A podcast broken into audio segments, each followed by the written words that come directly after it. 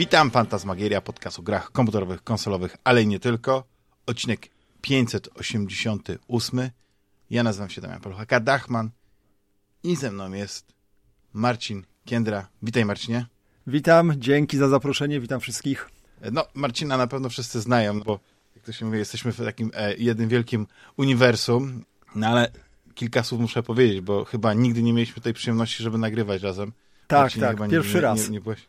Więc e, no, Marcin przede wszystkim e, zawodowo jest znanym, utytułowanym architektem, ale z zamiłowania jesteś no, niemal historykiem gier. Tak, już nie wiem dokładnie jaką dać ci taką funkcję, bo y, wiele lat temu założyłeś bloga y, retro. Tak. Retrospekcja, dobrze mówię? Tak, tak, 9 lat temu dokładnie. W przyszłym roku dziesiąta rocznica. Piękna, okrągła. Tak, i 2014 rok, dokładnie rok później, w maju e, 2015 z chłopakami założyliście Loading. E, no, właściwie Zgadza się. najlepszy e, taki podcast, e, wideo podcast, wideokast bardziej. Tak, my to wideokastem nazywamy, zgadza się. O, o, no, nie tylko o grach, ale taki e, właśnie pełny materiałów e, sentymentalnych tak, dla, nostalgicznych. Dla nas, nostalgicznych. Fantastyczny film dokumentalny o o polskiej giełdzie, no i te twoje właśnie takie bardzo, taka ciekawa seria, ostatnio właśnie oglądałem ten e, odcinek o Avengersach, y, no dokumenty robione z, y, no niemal, z, znaczy właściwie to na, tak naprawdę do jakości telewizyjnej. E, Dzięki wielkie. Który, no nie wiem, robiłeś sobie naprawdę świetny warsztat, to muszę ci tak. pogratulować. I, Dziękuję no, bardzo. I ostatnią taką inicjatywą, którą mogę tutaj jeszcze tylko wspomnieć, takich, takich większych, no nie, bo na pewno masz więcej mniejszych, no to są te krakowskie retrospekcje. Y, I już chyba też, to już tak, któraś edycja była, tak? Czwarta, Tak, piąta, teraz nie. była jedenasta edycja. O, jedenasta, tak. Z tym, że te, to nie jest tak, że od 11 lat, że jest raz w roku, bo kiedyś mhm. wcześniej byliśmy, spotykaliśmy się na tej imprezie dwa razy do roku. No później był COVID, więc była przerwa, więc powiedzmy, że jest to tak od 2000 zdaje się właśnie 14, nie 15 roku. To tak mhm. sobie idzie. No, mhm. takie, takie A to retrospekcje, y, krakowskie retrospekcje, to sam y, tak, tak na to wpadłeś, czy to z kimś robisz? Bo to jest wiesz co, y, bardzo fajna wpadłem, rzecz, świetna wiesz inicjatywa. Co, wpadłem na to pewnego pięknego jesiennego dnia, dlatego że w Krakowie jakby nic się nie działo związanego z retro. Znaczy wprawdzie mieliśmy te, mamy takie coroczne, są organizowane w bibliotece tutaj miejskiej dawne gry i komputery, yy, takie spotkania, ale to jest takie bardziej kulturalne, takie tam, to nie jest taka impreza typowa retro, prawda, czy ani nie jest to mhm. demo party, ani nie jest to Pixel Heaven, tylko taka kulturalno-oświatowa, dwudniowa impreza, yy, natomiast no, brakowało mi po prostu czegoś takiego, żeby spotkać się z tymi ludźmi w jednym miejscu, którzy kultywują to retro, interesują się starymi grami, kompami, konsolami i po prostu miałem możliwość zorganizowania tej imprezy w lokalu, w Heksie w Krakowie, to jest taki lokal z planszówkami.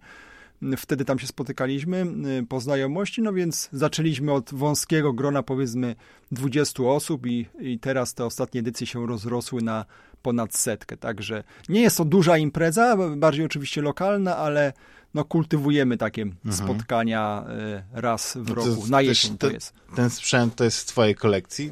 Wiesz co, taki... Y, ja właśnie jest tak, że ja już nie przynoszę żadnego sprzętu, ponieważ przynoszą y, no, bywalcy, imprezy, ludzie, no bo ja w zasadzie nie mam się specjalnie czym pochwalić. Nie mam takich bardzo mhm. unikatowych maszyn u siebie. Ja jestem człowiek bardziej prasowy, to znaczy ja postawiłem na prasę i zbieram i stare gazety, które się da, i książki, i też y, filmy na VHS-ach, więc y, ja jakby poszedłem troszkę w tym kierunku, bo wiadomo, że w ostatnich latach retro tak strasznie zdrożało, że w zasadzie kupić teraz, wiesz, cokolwiek, a już jakikolwiek unikatowy sprzęt, no to już trzeba liczyć w tysiącach, więc odpuściłem sobie to, bo stwierdziłem, że nie ma sensu. Y, mhm. Skoro i tak grywam na Retro Station, czyli takim kombajnie z emulatorami wszystkich sprzętów od A do Z, jakie, jakie w ogóle w historii się pojawiły. I, to mi w zasadzie wystarcza, bo to mogę, mam to raz na PC, mogę to podłączyć do telewizora y, przez komputer i grać na padach, więc w zasadzie wiesz, nie ma mhm. specjalnie, jest, jest wygodniej też niż na kompie, więc poszedłem w to, a y, jeżeli chodzi o kompy, to po prostu sobie musiałem odpuścić. Mamy taki to, trochę y, do czynienia z takim neonetro, prawda? Bo tak jak y, słusznie zauważyłeś, po prostu mhm ceny są coraz, coraz większe tych sprzętów, jest coraz trudniej znaleźć w ogóle sprzęt w dobrym stanie, więc jak już coś kupisz, to trzeba się z tym liczyć, że jakaś konserwacja będzie potrzebna, ktoś musi ten, ten sprzęt zreparować, doprowadzić go, to są dodatkowe koszty. Ale żyjemy w takich pięknych czasach, że ta nostalgia jest karmiona w taki sposób, że dostajemy te gadżetowe e, mini konsolki, tak? Jakieś właśnie ta A500 Mini teraz będzie niedługo e, duża wersja Amigi i mam nadzieję, że to będzie jednak format 600, nie, nie 500, no ale to jest taki... Nie wiadomo takie, jeszcze. Tak, dokładnie. Jeszcze się nie pojawiła chyba. Chyba, że miałeś jakieś tajne informacje. Nie, nie mam niestety bryły. nic. Też jestem ciekawy, e, co to będzie, który model będzie. Mhm. Chociaż to... też e, z drugiej strony to takie, te, te ceny na retro, na sprzęt powiedzmy to jeszcze można powiedzieć, że są uzasadnione, ale te ceny na przykład gier w pudełkach, e, ten, bo ja, ja wiem, że masz też fantastyczną kolekcję, którą pokazujesz podczas tak, właśnie loadingu, tak. jak zresztą rozmawiacie, że masz na przykład kolekcję big boxową jak, jakiś gier kompletną. Nie tylko z PC-ów, ale właśnie i, i, i z, z Spectrumów, chyba z Amigi, no nie wiem. Tak, tam... tak, głównie wiesz, te właśnie stare komputery 8-16 bitowe. To też był taki moment, że mm, ja to zacząłem, słuchaj, zbierać, jak jeszcze nie było takiego boomu na retro aż strasznego. Jeszcze te ceny były w miarę normalne, czyli mówię to mniej więcej tak lata 2012, 13, 14. Ja sprowadzałem sobie to z Wielkiej Brytanii. Po prostu wchodziłem na eBay mm, wybierałem ileś gier od jakiegoś sprzedawcy. To jeszcze były w cenach znośnych, więc z przesyłką to nie wychodziło jakoś strasznie dużo i tak sobie po troszkę sprowadzałem. I rzeczywiście ta kolekcja e, tutaj urosła. I to faktycznie zapomniałem na, na, tym, na początku powiedzieć, że, że gry w tych big boxach to też był, jest taki mój konik. I no do tej pory staram się kolekcjonować, jak trafię na jakiś dobry egzemplarz. Mam tego troszeczkę w swojej kolekcji, szczególnie tutaj gry od Microprose, które mm. tak jak mówiłeś, były wydawane w tych wielkich pudłach z tymi grubaśnymi instrukcjami, które mają po 300 stron, tam były do tych, jeżeli to były symulatory albo strategie, no to oczywiście są dodatki w postaci jakichś map, jakichś uzupełnień historycznych, y, które, prawda, budowały cały klimat i twoją wiedzę na temat jakiegoś okresu historycznego, w którym dzieje się gra na przykład II wojny światowej.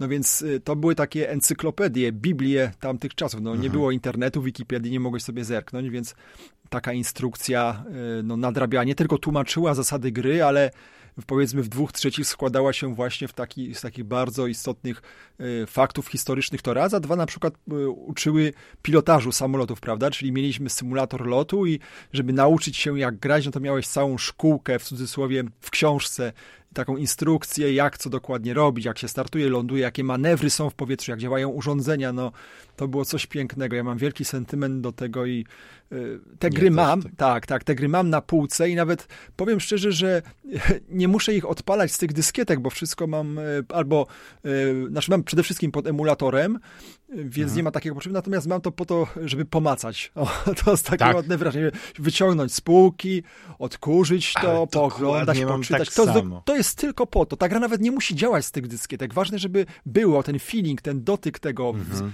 No myślę, że nowe pokolenie chyba nie jest w stanie już po nas tego przejąć i zrozumieć, bo to my się wychowaliśmy na tym i, i stąd jest ten nasz sentyment do tego i taka no, radość chyba e, nie mam podobnie, ale to, to właśnie symulatory lotu to były moje ulubione big boxy podobnie jak u ciebie, bo y, ja uwielbiałem przeglądać właśnie te książki. No, mam tutaj na, o, w zasięgu ręki mam e, F-15 Strike Eagle 2, właśnie wersję na Mam też tą grę, dokładnie. Mhm. Ale wiesz co, próbowałem wrócić do kilku symulatorów, w których zagrywałem się, z, e, wiesz, w latach 90., czy na Amidze, czy, czy, czy jeszcze na Amidze CD32, nie, w, w Gunship 2000.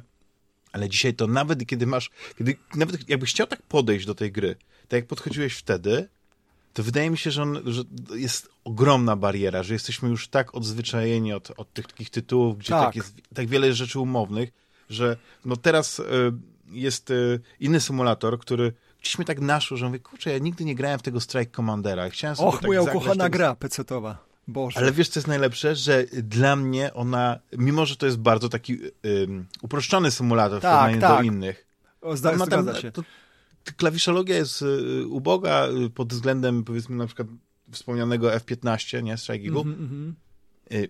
Fabularnie bardzo ciekawa, tam jeszcze ta wersja CD tam wprowadza um, ciekawe, ciekawe rzeczy, muzykę i tak dalej, tam wszystko chyba było Pakiet misji mówione. był dodatkowy, tak, tak, tak. tak Wszystkie tak. komikaty mówione, masz rację, tak.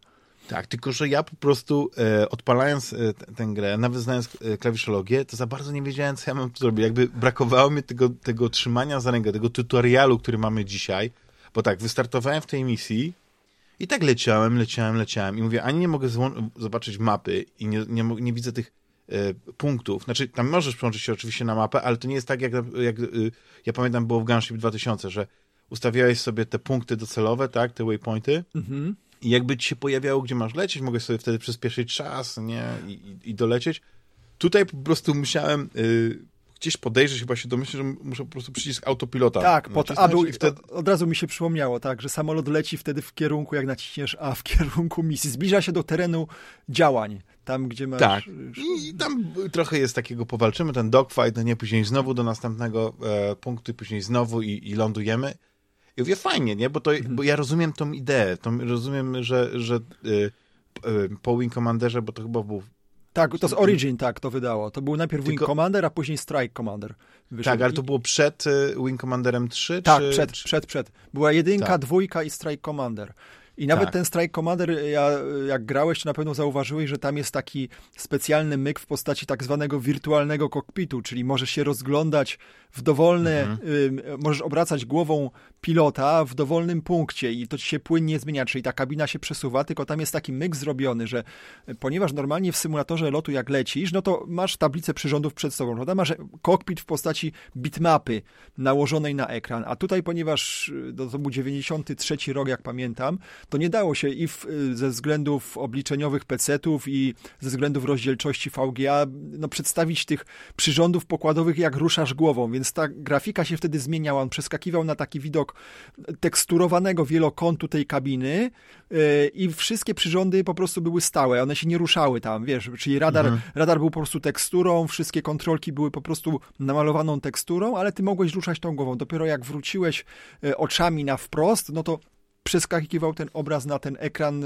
e, tego kokpitu z e, ruchomymi mhm. kontrolkami. To taki fajny feature, ale ten Bayer strasznie mi się wtedy podobał, Oj, że, tak, że mogę tak. sobie tą głową tak poruszać, wiesz, i zobaczyć. No i w ogóle te tekstury w tej grze, to, że było widać podwieszone uzbrojenie, jak strzelałeś Sidewinderem albo Maverickiem, no to on się mhm. odczepiał spod samolotu i y, ciągnął ten pióroprócz dymu za sobą, no to było fantastyczne. Ja, wiesz, jak dostałem wtedy peceta, w, ja dostałem peceta w 94 roku, to była jesień i dostałem cztery 486 DX2 z 8 MB RAMu, więc ten Strike Commander, on chodził tam na pełnych detalach, wgrywał się szybko, działał na fulla z Sandblasterem, więc to była, wiesz, dla mnie to była radość, to wyobrażałem sobie wtedy, że nic już lepszego nie zobaczę, że to jest ten szczyt gier, który, dziękuję, zagrałem we wszystko, można tak. umierać. No, a później oczywiście przychodziły inne tytuły, ale mój nastoletni nie, tak to kupował. Nie wiem, czy widziałeś taki krótką rozmowę z Chrisem Robertsem na temat e, Strike Commandera i mówi, jak ta, jak ta gra w wielu aspektach, technicznych też wyprzedziła. Tak, tak, tak, oczywiście. Zresztą mamy na loadingu z... materiał o tej grze, jak powstała. O, Nawet... no, no to, jest, tak. to jest kapitalna sprawa, bo y, oni na tą grę siedzieli dużo, dług, e, dług, e, dużo dłużej niż, e, niż przed swoimi poprzednimi tytułami. Chociaż dzisiaj jak się myśli, że coś, ten cykl developmentu gry trwa dwa lata, to jest nic. To jest, to tak naprawdę to jest stryknięcie palcem i y, gra gotowa. Nie? W dzisiejszych czasach dwa lata to jest nic, ale wtedy, kiedy gry wychodziły po roku, kiedy sequele, świetne sequele y, hitowych gier też wychodziły, nawet po, czasami po, po, po roku, po półtorej, no to, no to to było bardzo y, dużo i, i widać tą, tą, tą pracę, widać tą, tą, tą pieczołowitość. Niemniej są pewne rzeczy, które dzisiaj szkoda, że ta gra nie dostała jakiegoś takiego remastera, jakiegoś takiego dobrego tak, moda, nie, który po, pociągnąłby takiego. Y, rozdzielczość y, gry, bo to jest jednak niska rozdzielczość. 320 i, i te... na 200. Mhm. Tak. No i ten horyzont jest strasznie taki Taka za mgłą, krótki. prawda?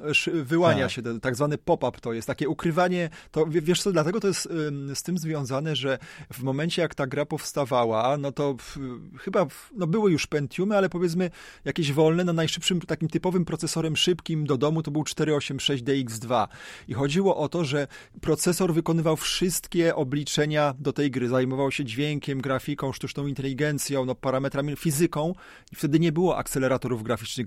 Karta graficzna jakby nie zajmowała się tymi obliczeniami. Wszystko było na y, głowie procesora i też gra musiała być jakby dostosowana do możliwości komputerów, chociaż Origin System, czyli właśnie ludzie od Wing Commandera wcześniejszego, nie zawsze y, jakby robili wszystko na maksa, czyli wymagali od siebie posiadania no, bar, komputera tak. bardzo wysokiej klasy, żeby te gry poszły. Przecież ja pamiętam, no właśnie, że przecież... miejsce do tak. Wing Commandera to tutaj po prostu mieli tą ziemię do wyrenderowania, która, która była Strike jednak bardzo... tak, tak, tak. E, w Strike, znaczy w Strike Commanderze była ta ziemia właśnie, a w Wing Commanderach po prostu był, była pusta przestrzeń. Oni tak. mogli sobie tam y, dowolnie... To... Ale i tak musiałeś mieć 386 na pokładzie. Przynajmniej. Mhm. Nie wiem, czy grałeś w Wing Commandera na Amidze w tamtych czasach, bo była no, grałem i, i, ta pamięć, pamięć jest taka, że wiesz, to tak, tak poklatkowa animacja i tak, to, tak, tak, wtedy to nie, nie wyrabiała przyjaciółka. Człowiek w ogóle o tym nie myślał wtedy, nie? Że, że jak, jak jesteśmy rozpieszczeni i teraz słyszysz te głosy, że jak nie ma 60 klatek, to ja po prostu rzucam grą w kąt, bo to jest jakiś, jak może gra w 2023 roku wyjść i nie mieć 60 klatek, HDR-u, 4K i tak dalej. Ale wtedy y, gry, no nie wiem, no miały te 20 klatek czasami na, na, na midze i człowiek był zadowolony, był tak, szczęśliwy. Jak 20 to było szybko, wiesz, taki tak. ten Wing Commander to miał tam 5 klatek. I ja, najlepsze, że ja miałem jeszcze niemiecką wersję, bo nie miałem innego pirata wokół siebie i grałem w tego Niemca. To było nieprawdopodobne, że no, z dialogów nic nie rozumiałem, a klawiszologię do lotu to musiałem na chybił trafił, co który przycisk mhm. robi. I pamiętam sobie taki moment fajny, że y, nie wiedziałem, co należy zrobić, jak się wra- wiedziałem, że jak się się wraca z misji, to należy wylądować na tym swoim kosmicznym e, lotniskowcu, on się, lotniskowcu, on się Tiger's Claw nazywał, taka ładna nazwa. I nie wiedziałem, co zrobić, no bo statek nie lądował. E, I zrobiłem taki numer, że zadzwoniłem do redakcji Top Secretu, żeby zapytać, e, o, jak się ląduje. I to był jeden, jedyny raz, kiedy właśnie dzwoniłem do jakiejś redakcji i słuchaj, odpowiedzieli mi, że tam słyszałem jakieś głosy, ja to pamiętam, jak dziś oni się tam pytają, e chłopaki, jak się tam ląduje w komanderze, bo tutaj e, nasz czytelnik pyta. No i powiedzieli mi, że to tam zdaje się klawisz C, ja już nie pamiętam, tak mi się wydaje. No i rzeczywiście ten klawisz zadziałał, tam się wywoływało menu i była opcja do lądowania, żeby zgłaszałeś, prawda, chęć, że chcesz wrócić do bazy. No i zadziałało i to było też takie mhm. moje podwójne przeżycie, że mogłem się dodzwonić do redakcji i czegoś się dowiedzieć. Ale to jest ciekawe, bo widzisz, bo y, ta rola, rola magazynu w grach w tamtych czasach to była bardzo ważna pod względem właśnie tym, że nie mieliśmy tych instrukcji i często w tych gazetach była ta klawiszologia. Była, tak, tak. I, i, i, i to był, to, i te, nie zawsze te recenzje to były tak naprawdę recenzje, tylko to były takie e, opisy gier, ale no tutaj wszedłeś na taki wyższy poziom, że, że zadzwonili. Bo, ale też wydaje mi się, że wtedy tak mało kto myślał o tym, żeby coś takiego zrobić i do, dotarcie do, do, do, do, do redakcji było prostsze i prawdopodobnie gdybyś y, pewnie wtedy o tym myślał, no być może byłeś za młody, i chciał się wkręcić do redakcji, to mógłbyś, nie? Bo, bo wiadomo, że, że y, wtedy jakby ten entuzjazm y, był, był nawet czasami bardziej istotny niż, niż te umiejętności tak. nie wiem, dziennikarskie, pisarskie, bo to się później mogłeś tego nauczyć, nie? Właśnie mm. y, od posłem. No ale to jest, że to jest w ogóle bardzo dużo ciekawych wątków poruszamy, które, na które wszystkie, wszystkie mnie interesują. To jest tak. najlepsze, bo znaczy... tylko ja próbuję sobie w głowie tak, żeby to było poukładać je, bo Wspomniałeś, i tu, tu bym chciał wrócić, mhm. że miałeś w 94 roku całkiem niezły komputer. Ba, tak, to był bardzo dobry komputer, że się z CD-ROMem nawet. Więc y, moje pytanie jest, czy w takim razie przeskoczyłeś erę Amigi, bo, bo nie, nie. Zastanawiam już, się, jak, już jak... ci powiem, jak to jest po kolei. Osi... E, zaczynamy tak, marzec 87. No właśnie, twoja przygoda, twoja przygoda z grami, tak od tak. początku, powiedzmy... Kurczę od kołyski i tak dalej, pierwszy raz zobaczyłeś wóz drzymały, nie wiem, e, e, ponga, coś takiego. Chcę no to właśnie usłyszeć. tak. Słuchaj, więc e, jak sięgnę pamięcią, to na pewno pierwszy kontakt z komputerem miałem gdzieś, to musiał być 85 albo 86 rok, jak byliśmy z rodzicami na kontrakcie w Algerii, bo mój ojciec też jest architektem, więc on, wiesz, pojechał na kontrakt z biura państwowego oczywiście, bo innego nie było, go tam wysłali na pół roku, no i tam siedzieliśmy i tam był była grupa polskich inżynierów i ktoś z nich miał komputer. I mnie się wydaje, że jestem prawie przekonany, że to był Commodore 64 i że jak pierwszą grą, jaką widziałem, to był Gyrus. Taka kosmiczna strzelanka ośmiobitowa, gdzie lecisz statkiem kosmicznym, po, jakby kręcisz się po okręgu na ekranie, a y, wszyscy przeciwnicy nadlatują z głębi, wiesz, tak z tej kosmicznej pustki na ciebie, tam niszczysz asteroidy, te nadlatujące y, statki kosmiczne i to musiał być pierwszy tytuł, bo dość no nie jestem pewien, ale, ale tak zakładam. Natomiast y, później, jak już wróciliśmy do kraju i, i poszedłem do szkoły, to w 87 roku w marcu bo też to pamiętam, bo nawet rodzice mi przypomnieli, bo mieli gdzieś paragon. Kupiliśmy w Peweksie, krakowskim Peweksie Atari 800 XL z magnetofonem. I mhm. też pamiętam pierwszy kontakt z grą na Atari, to był na 100% Pitfall 2, dlatego to pamiętam, bo sprzedawca, który y, nam no, oferował w tym projekcie komputer, Aha. pokazywał nam, jak się wgrywa gry i zapuścił tego Pitfalla. Ale bo ja, to jest niesamowite. To jest, wiesz, to ja, ja, skąd ja to pamiętam do cholery, wiesz, no. Ale ja mam 65X, tylko mój, tak. mój problem był taki, że ja też, y, to była pierwsza gra, którą sam odpaliłem, właśnie Pitfall mhm. 2, tylko to było tak, że my też z Peweksu 65XE i moja mama nie wiedziała, wersję. jak podłączyć do telewizora. Ja nie wiedziałem, jak to podłączyć. Ktoś przyszedł, prawda, ustawił, dostroił i tak dalej, tą antenę i pierwsza gra. E, to jest niesamowite, tak. że po prostu ten, ten tytuł jest takim tutaj czynnikiem. I, i spójrz, jak y, mówimy o, o, rzeczach, które mają, no, pff, za chwilę będą miały 40 lat a my to pamiętamy, mhm. a ja nie pamiętam, co tam tydzień temu y, robiłem o tej porze, musiałbym tak, się mocno sądzie, zastanowić. Ja nic nie pamiętam. Tak, to jest niesamowite. No i, i właśnie są, wiesz, takie momenty przełomowe w historii i bardzo się cieszę, że ja to pamiętam, bo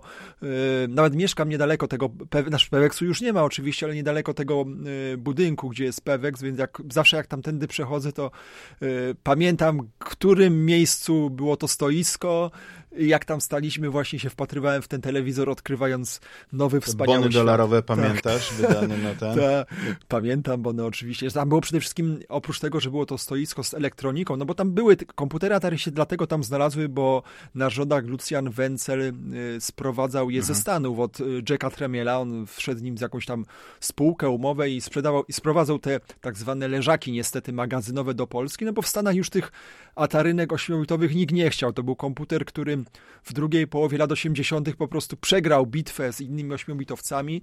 E, twórcy gier go praktycznie wszyscy opuścili, oprócz później Polacy do niego wrócili, ale to jest inna historia. E, no i te leżaki magazynowe zostały opchnięte na wschód Europy, głównie do Polski. I stąd się znalazły mhm. w naszych Peweksach i miały przede wszystkim to, że mogłeś kupić oficjalnie komputer, miałeś na niego też gwarancję i serwis, to było bardzo ważne, no bo wyobraź sobie, że kupujesz komputer za roczną pensję i on się psuje za tydzień z jakiegoś błahego powodu. No i co zrobisz? No, pff, przynajmniej masz tej gwarancji, więc mogłeś go naprawić. No, my mieliśmy to szczęście, że się nie zepsuł, ale no podejrzewam, że wiele no, osób... mój działa do tej pory. Nie wiem, czy masz tą swoją Właśnie nie mam, to jest ból, że nie mam. Mam inną 800, którą kupiłem y, ileś lat temu, ale to nie jest mhm. ten... Wiem, że mój komputer... Właśnie, bo teraz tak jest następna historia, że mój komputer, ten 800 XL Atari, sprzedałem kuzynowi młodszemu po to, żeby mieć fundusze i dołożyć jeszcze oczywiście do tego, żeby mieć na Amigę w 91 tak. roku w czerwcu i to jest kolejna data, cholera jasna, którą pamiętam jak dziś, że skończyłem, to chyba była piąta, w 91 to ja kończyłem, nie wiem, czwartą albo piątą klasę y, i w zamian za świadectwo z paskiem dostałem ten komputer. I to też pamiętam, jak ojciec go przywiózł, najpierw, słuchaj, był taki moment, że on wszedł do domu, ja podejrzewałem, że on pojechał po komputer, ale wszedł do domu z Amigą, no i wiesz, położył na stole i wiesz, wow, że komputer nowy, super, zaczynam rozpakowywać i zastanawiam się, pierwsza myśl, jak podłączyć do telewizora. A on skubany zszedł na dół i przyniósł monitor do tej Amigi, więc wiesz, to był już obłęd, że mam własny monitor i własny komputer. No, nieprawdopodobna rzecz. I pierwsza gra znowu. Yy, Tutaj się waham, co było, były dwie gry, przyniosłem od kolegi, to było, jeden to był Operation Wolf, a drugi Defender of the Crown, czyli dwa też takie dość grube hity 16-bitowe, szczególnie Defender of the Crown, który był takim no, benchmarkiem wówczas amigowym, który mhm. pokazywał, bo ta gra była stworzona w 87 roku, yy, czy 86 nawet i ona miała właśnie pokazywać możliwości amigi. No ona do dnia dzisiejszego świetnie wygląda jak na 16 bit. Ta yy, pikselowa grafika, no super dokładna, pięknie narysowana, no to jest no cud malina, a wiesz, wówczas spojrzeć na taką grę i zobaczyć ją w akcji, no to znowu kolejny raz, że mogę umierać, już nic lepszego nie zobaczę, prawda?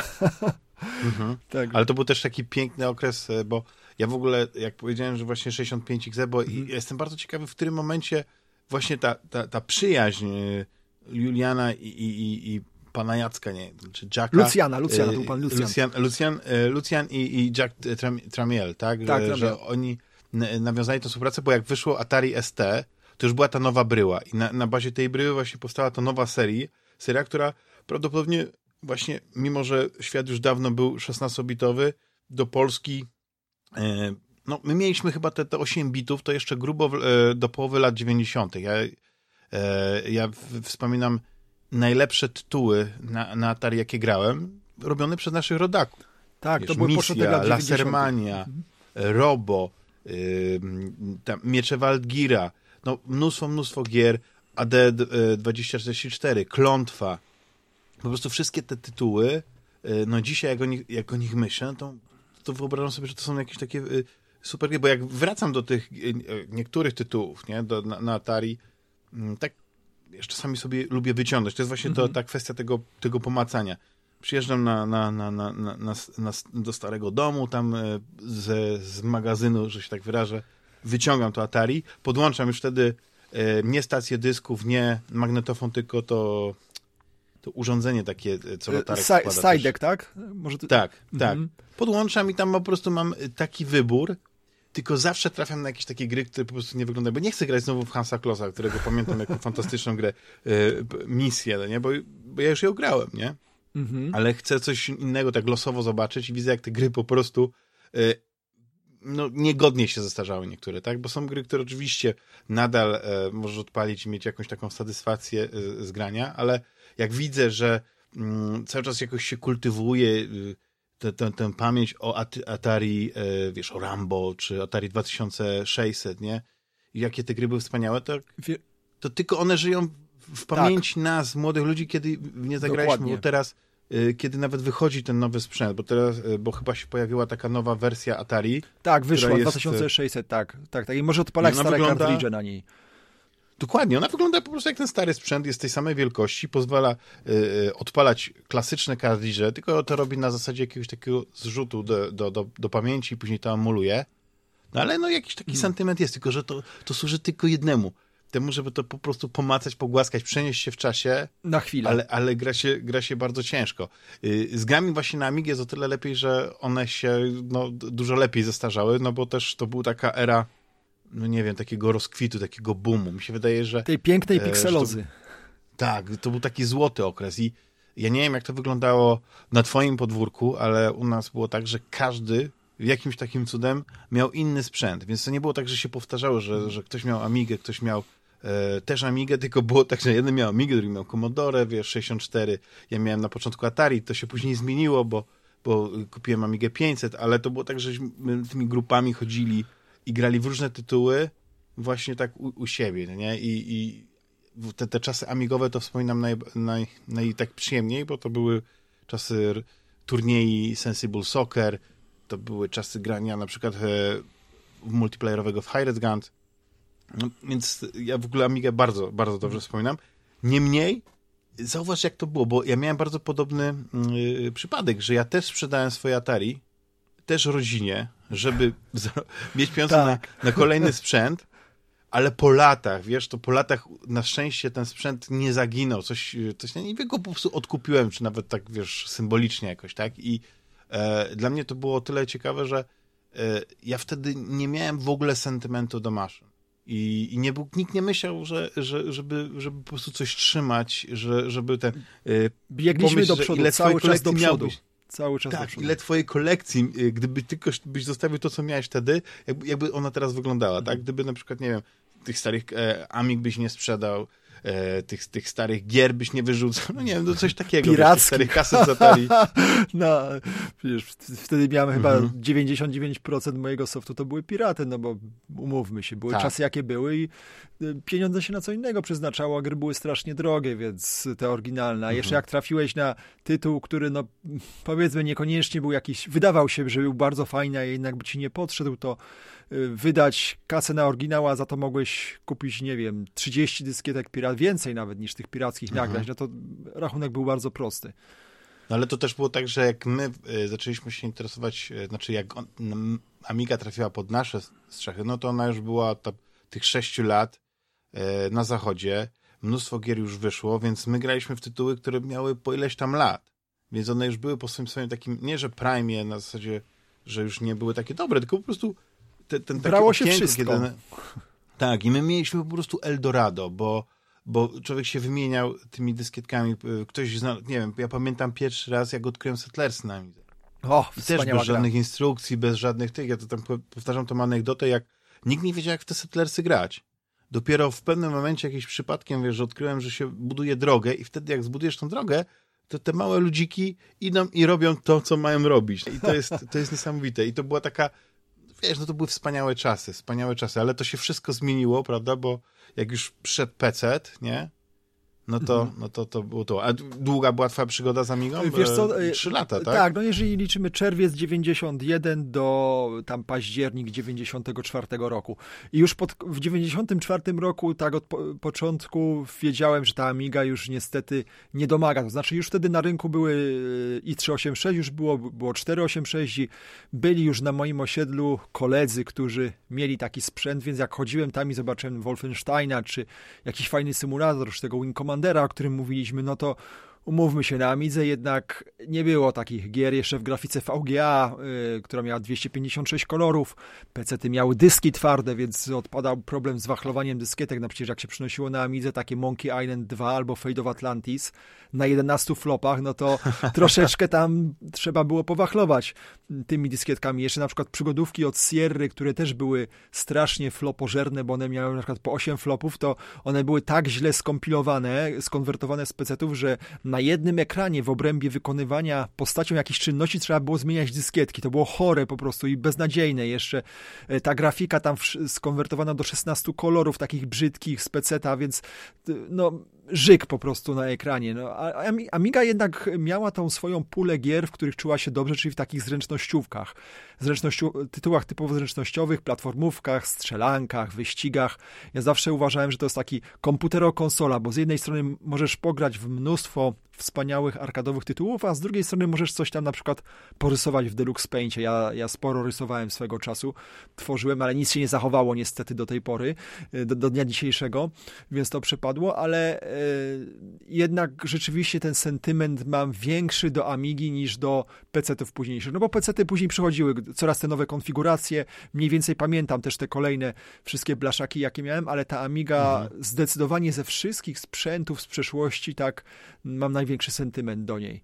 No bo ona miała tą osobowość, to była po prostu Amiga, tak? I przez to, że yy, nawet jeśli już później mogłeś mieć Amigę 1200, to było niewiele osób z, z mojego otoczenia, właściwie to jedna osoba, która była na tyle wierna Amidze, że tak, dokupowała te akceleratory, kiedy już wszyscy byli na PC-tach, już wchodził rok 2000, no nie? Czy nawet już nawet po e, 2000, to w tej, e, i to też było niesamowite, nie? w tej, w tej obudowie jakby PC-owej, no nie, tej Tower, nie, siedziała ta Amiga, siedziała z tymi wszystkimi kartami, no można było ją podłączyć do internetu, ale nadal to już e, ale nadal nie, nie, mogło, nie, nie mogła doścignąć to tego, co było już dostępne na... prostu takie. Tak, tak. Ale, ale przez to, że ta 500 jest tak ikoniczna i te mhm. gry były właśnie takie y, dopieszczone, te, które były tak naprawdę dopieszczone, bo jak były konwersje albo były multiplatformowe, to zgadzam się, tak, że, y, że owszem, y, nadal jak, jak znaczy Zależy od konwersji, prawda? O, o. Tak, tak. Znaczy y, Indiana Jones in Fate of Atlantis, na przykład mimo tej, tej mniejszej palety kolorów, nadal ja skończyłem. To jest moja ukochana gra wszechczasów. Nie ma dla mnie lepszej gry niż Fate of Atlantis. Kocham ten tytuł i oczywiście mam w oryginale teraz nawet na 11 dyskietkach amigowych dokładnie tą wersję. Którą gram kiedyś. Nie wiesz, czy te dyskietki chodzą, bo nie odpalam sobie, bo jak coś, to znowu gram na Amidze z mhm. Goteka, jak, jeżeli potrzebuję sobie przypomnieć czasy albo z emulatora, ale mhm. wiesz, w pudełku leży, to znowu to, to, ten moment, że mam i i cieszę się. Tak, tak, bo, bo pecety już były tak, że już się wchodziło w tego peceta, to, to się go cały czas upgrade'owało, coś się zmieniało. Tam minimum na y, co rok, co półtora roku jakąś część. Ciągle Jeszcze brakowało mocy, prawda? Dla nas, szczególnie w Polsce, te części były zawsze drogie i mam takie wrażenie, że zawsze byliśmy trochę do tyłu. No wprawdzie jak ja dostałem Blaszaka, to, to, to był dość mocny sprzęt na swoje czasy, ale on znowu zaniemógł. Po roku już nie było to samo, już zaczęły się pojawiać gry, które gdzieś tam w detalach trzeba było sobie zmniejszać te detale, mhm. czy w Dumie, w którymś kolejnym tam FPS-ie trzeba było sobie ekran zmniejszać, żeby to chodziło płynnie. Także niestety już wpadliśmy w te sidła później takiego ciągłego pogoni za tym króliczkiem, żeby dogonić czołówka, to było bardzo mhm. trudne. Mhm.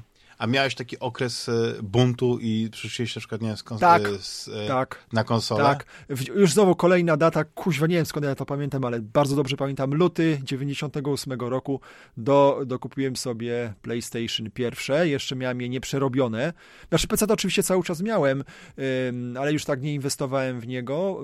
Y, jak kupiłem PlayStation, no to znowu był przeskok w zupełnie inny, lepszy świat, z tym, że Mhm. Miałem taki problem na początku, że ponieważ konsola była nieprzerobiona przez jakieś chyba trzy miesiące, to musiałem korzystać z oryginałów. Nie kupiłem żadnego, ale miałem, raz, że miałem demodyski, a dwa, yy, i to znowu jest taka, wiesz, historia, masz demówki z jednym etapem, w który się potrafiłem zagrywać, no, do nieskończoności, to dzisiaj to bym pewnie nawet na żadne demo nie spojrzał, bo mi się nie chciało, bym kupił sobie już yy, pełną grę mhm. dla świętego spokoju, a wtedy, no, demo ogrywałem w kółko, no, bo nie miałem tych oryginałów, ale miałem obok siebie wypożyczalnię filmów, która miała też wypożyczalnię gier na PlayStation. I tam się szło, zostawiało się zastaw, pełną cenę gry, czyli te ileś tam złotych, nie wiem ile wtedy gra na PlayStation kosztowała, nie pamiętam w tym momencie, ale trzeba było zostawić y, tą kasę, wypożyczałeś, no i zwracali ci kasę na tam drugi, trzeci czy, czy trzeci dzień, jak oddawałeś, prawda, minus tą, minus cena wypożyczenia i w ten sposób tam parę gier ograłem, ale znowu też nie miałem karty pamięci przez jakiś czas, więc grałem no. do momentu wyłączenia konsoli. To też mi jakoś nie przeszkadzało, po prostu się świetnie bawiłem.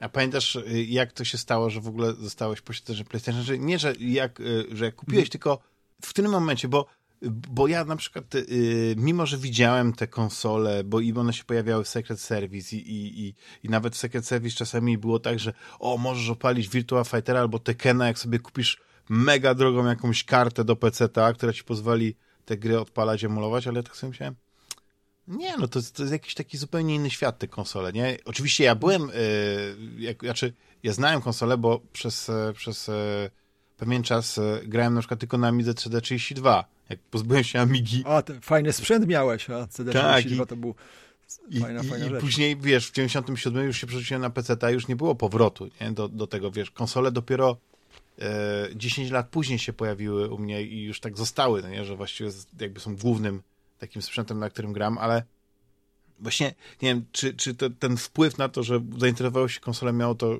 że nie wiem, widziałeś je w prasie gdzieś, czy, czy e, środowisko, tak. znajomi? Wiesz co, i, i, i przede wszystkim to, że Gulasz w Secret Service mocno lobbował za PlayStation i, i pokazywał te konsole y, no, w akcji, znaczy na screenach, prawda, i, i robił recenzję, więc byłem y, zakochany w tym. Nie wiem, czy wówczas, chociaż nie, Neo Plus się chyba troszkę później pojawiło niż, nie, wcześniej, przecież Neo Plus się pojawiło chyba w którym, w 97 czy 6 roku, więc mhm. E, jeszcze nie miałem konsoli, ale kupowałem to Neo Plus i czytałem o tych grach, no, do wyboru wtedy był Saturn albo PlayStation, no Saturna nie dało się przerobić, więc nie chciałem w to iść, już kupowałem PlayStation z myślą o przeróbce, ale miałem też, e, wiesz co, znajomego, e, który miał konsolę, miał już ją przerobioną, więc jak on opowiadał o tych grach swoich, w co tam gra i jak nie gra, jakie to wspaniałe, no to wiesz, nie było wyjścia. Poza tym u nas mm, na giełdzie w Krakowie było jedno stoisko na początku z PlayStation i to było, zawsze było oblegane, bo gość pokazywał tam gry, czyli wiesz, on przychodził rano, w sobotę, w niedzielę,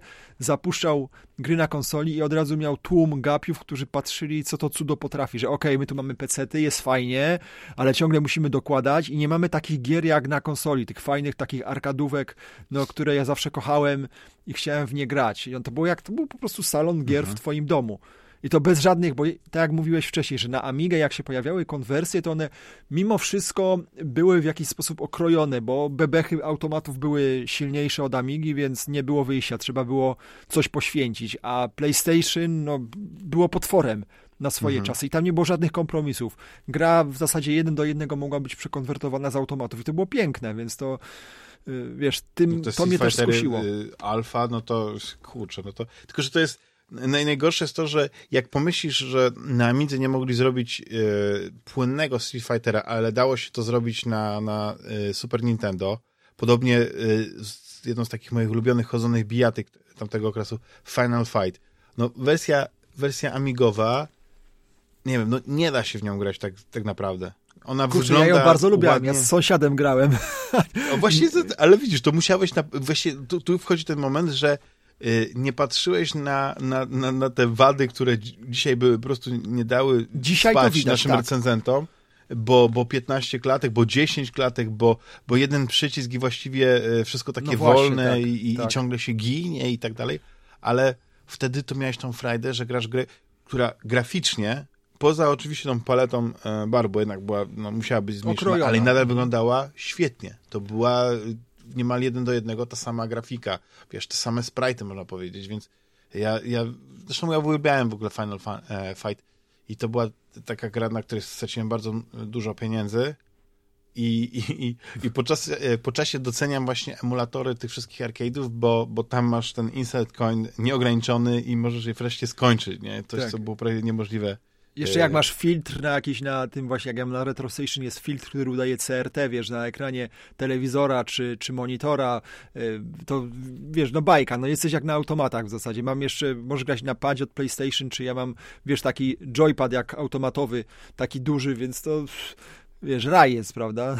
Mhm. Nadganiam te stare czasy, wreszcie można za darmo zagrać, nikt nie sępi żetonów, nie trzeba tak, wychodzić tak. z domu, tylko jesteś u siebie i, i, I, bardzo fajnie może tak. Zresztą, a zresztą a propos Final Fighta, to nie wiem, czy wiesz, ale przecież y, nie tylko była wersja na Amigę i oczywiście konsole, o których powiedziałeś, ale także na ZX Spectrum nawet i Commodore 64. Także o ile na Komara ta wersja była no, straszna, ale na ZX Spectrum, no jak się zobaczy ja, mhm. na screenach, to te postacie są naprawdę fajnie narysowane. To one są Duże. bardzo przypominają oryginał. I tylko, że oczywiście... Bo w przeciwieństwie na przykład do wersji na Commodore 64 64, która jest okropna, nie, nie, nie. to miały tam malutkie te sprajciki. Tak, i to w ogóle nie przypominało. Natomiast spektrum wyglądało, natomiast w ruchu było ok, to wiesz, to były tak. te 3-4 klatki animacji na sekundę i ciągłe dogrywanie, wiesz, etapów z tej kasety, pocięte to strasznie, mniej przeciwników, chyba tylko w jedną osobę, na, znaczy na pewno można było tylko na jedną osobę mhm. grać. Zresztą przecież wersja na Super Nintendo też miała mm, ten, ten dziwny myk, że tam grałeś na jednego, nie dało się zagrać na dwóch. Dopiero mhm. jak wyszła wersja na Mega CD, to tam była wersja na dwóch graczy, taka typowo właśnie konsolowa, znaczy automatowa, że zapraszałeś kumpla i graliście we dwóch. No bo umówmy się, chodzona bijatyka była stworzona do tego, żebyś też zagrał z kumplem. To była połowa frajdy. A no tutaj że... nie wiem dlaczego obcięli tą. Gdzieś czytałem no. o, o, produkcji tej gry kiedyś, ale nie pamiętam z jakiego powodu ucięto no. na Super Nintendo. Du, du, dużo gier w ogóle na automatach miały też wersję, że na cztery osoby można było grać. Tak, Tower of Doom pamiętam, X-Meni. Tak, no. tak. To jest, to, jest, to jest coś, co ja po prostu wspominam y, z wielkim rozrzewnieniem. Nie? Ale musiał być albo oryginalny automat, albo buda zastępcza, ale z tak. dużą ilością, znaczy z czterema gałkami, prawda? Więc to też było trudno spotkać u nas. No to właśnie akurat to, to Żółwie Ninja, to pamiętam, że akurat by, był to oryginalny automat, bo miał te cztery, ale no w większości to faktycznie to była taka jedna typowa buda i tylko te płyty tak, tam zmieniali. uniwersalna tak zwana. Mhm. Tak. I, no wiem, to wystarczało na, na tamte czasy, to, to, to nawet nie zwrócił uwagi, ale mm, to jest to kontynuując tą historię, bo chcę dojść do takiego punktu właśnie, takiego punktu zwrotnego, bo interesujesz się grami od małego, masz sprzęt, więc jesteś też na bieżąco. No ale później przychodzi, przychodzą studia i tak dalej. Czy był jakiś taki moment zwolnienia, że na przykład, nie wiem, odłożyłeś gry na półkę i dopiero później, po jakimś czasie wróciłeś do tej pasji? Mm, nie, powiem ci, że na studiach, znaczy miałem przerwę w graniu na pececie, mam taką tak zwaną dziurę blaszakową, to są lata tak gdzieś 2001, 2004, ja to tak nazywam, czy 2005, nawet takie 4 lata, gdzie kiepsko kojarzę gry pecetowe z tamtego okresu. Oczywiście te największe hity wszystkie grałem, ale jak na przykład sobie teraz przeglądam Secret Service stare, to otwieram i patrzę na jakieś tytuły, o które w ogóle nawet nie wiem, że one istnieją. Z drugiej strony może to być pokłosie tego, że te gry były słabe po prostu i one się w ogóle na rynku nie przebijały, więc nawet wtedy bym na nie nie tracił czasu, ale generalnie wtedy siedziałem tak, raz z PlayStation, później od 2001 roku miałem Dreamcasta przez rok, i później przeskoczyłem już na PlayStation 2 i to były takie wiesz, intensywne lata. To nie, że ja ta konsola sobie stała na półce gdzieś i raz na jakiś czas grałem, tylko naprawdę, Boże, płytek to się by przez moje konsole no setki przewinęło. Mhm. Co było dobrego, to odpalałem, grałem, przechodziłem całe tytuły, następna, następna. Także intensywnie rzeczywiście grałem, dopiero później tak troszeczkę zwolniłem, ale odbiłem znowu w czasach e, trzeciego PlayStation i Także nie, nie, nie miałem takiego okresu z przeszłości, że, że wiesz, że miałem takie przerwy, że zupełnie odpuszczałem, a nie chcę, mi się znudziło mi się. Jednak cały czas, jak już wszedłem do obozu PlayStation, to, to grałem. Na bieżąco byłem ze wszystkim. Mhm. No ale w pewnym momencie przyszedł taki moment, nie, że, że tak sobie pomyślałeś, kurczę, chciałbym, chciałbym, nie wiem, jakoś tak to uporządkować, nie właśnie stworzyć tego bloga, być może właśnie podzielić tak. się y, tą, tymi informacjami, tą kolekcją. Pamiętasz taki ten moment zwrotny, co tak cię Wiesz co, skłoniło tak. do tego? Y, po pierwsze zacząłem kolekcjonować y, retrogamery, czyli te brytyjskie pisma o, o retro, które od, wychodzą tam, zdaje się, od 2005 roku. Ja mam wszystkie numery, to teraz jest 200, ponad 50, wiesz, numerów wyszło przez te wszystkie lata i ciągle wychodzą, więc na bieżąco wszystko A nadal kupujesz, tak? No bo tak, pamiętam, tak, że miałeś jakąś przygodę, bo ta a, Wysy tak. Wysyłka z Anglii do tak, Polski. Tak, i nawet pisałem na grupach polskich, tam prze, przewodziłem temu, żeby spróbować zaradzić tej sprawie, ale jeszcze tak krótko, sprawa była taka, że mm, jeszcze kilka lat temu prenumerowałem Retro Gamera z Wielkiej Brytanii, bo on przychodził bezpośrednio i to się opłacało, bo raz, że nie było żadnego cła, Brytania była w Unii i tak dalej i wysyłka była tania i roczna prenumerata też tanio wychodziło. To były jakieś śmieszne pieniądze, ale zaczął się taki nieprzyjemny okres, że firma, która jakby bo to było tak, że te gazety schodziły do jakiejś firmy w Polsce, do punktu dystrybucyjnego, który rozsyłał później do Pocztą Polską do Polski y, i on później rozsyłał Pocztą Polską y, te czasopisma po, po, po domach, po nas, prawda? I coś tam się podziało złego, że mm, oni przestali wysyłać te pisma. Padło podejrzenie, że po prostu handlują tym na lewo, czyli wiesz, do nich to przychodzi z Wielkiej Brytanii, a oni zbierają to dla siebie i po prostu sprzedają to, wiesz, pod stołem innym ludziom ludziom, czyli kradną, powiedzmy sobie szczerze, kradną. Mhm, I było tak. takie ba bardzo mocne podejrzenie, ta, ta sprawa się troszeczkę ciągnęła, ja w sumie odpuściłem. E, wszystkie zaległe numery, które tam miałem z prenumery, ja ich nie dostałem, więc musiałem kupić sobie na eBayu, one przyszły. No i później zaczął się okres kupowania tego wszystkiego w Empiku, gdzie oczywiście ceny są teraz dużo wyższe, bo pojedynczy numer kosztuje około 55 zł, więc to, a w prenumeracie na przykład wychodziło 30 z wysyłką, więc mm, jest jednak różnica w mhm. cenie w, w, skali roku, no ale wiesz, to jest moje ulubione pismo, raz, że prasa generalnie umiera i nie ma specjalnie już co kupować, więc okej, okay, raz w miesiącu 55 zł na Retro Gamera to jest pikuś, wydać, tym bardziej, że to pismo jest naprawdę bardzo wartościowe i czytam w zasadzie od deski do deski, bo to jest taka kopalnia informacji. I, i, i wracając do, tem, do twojego pytania, to raz, że ten Retro Gamer tak tchnął we mnie to, że wróciłem na te tory retro, a dwa, że ja tak naprawdę zawsze siedziałem, wiesz, w tych starych kompach i grach, interesowałem się tym. Odkąd wyszły emulatory, czyli tak, to był przełom milenium, yy, kiedy pojawiły się już emulatory takie, że mogłeś sobie w domu na PC odpalić coś na Spectrum, C64, pojawiły się konsole yy, emulowane, SNESy, Mega Drive, więc zacząłem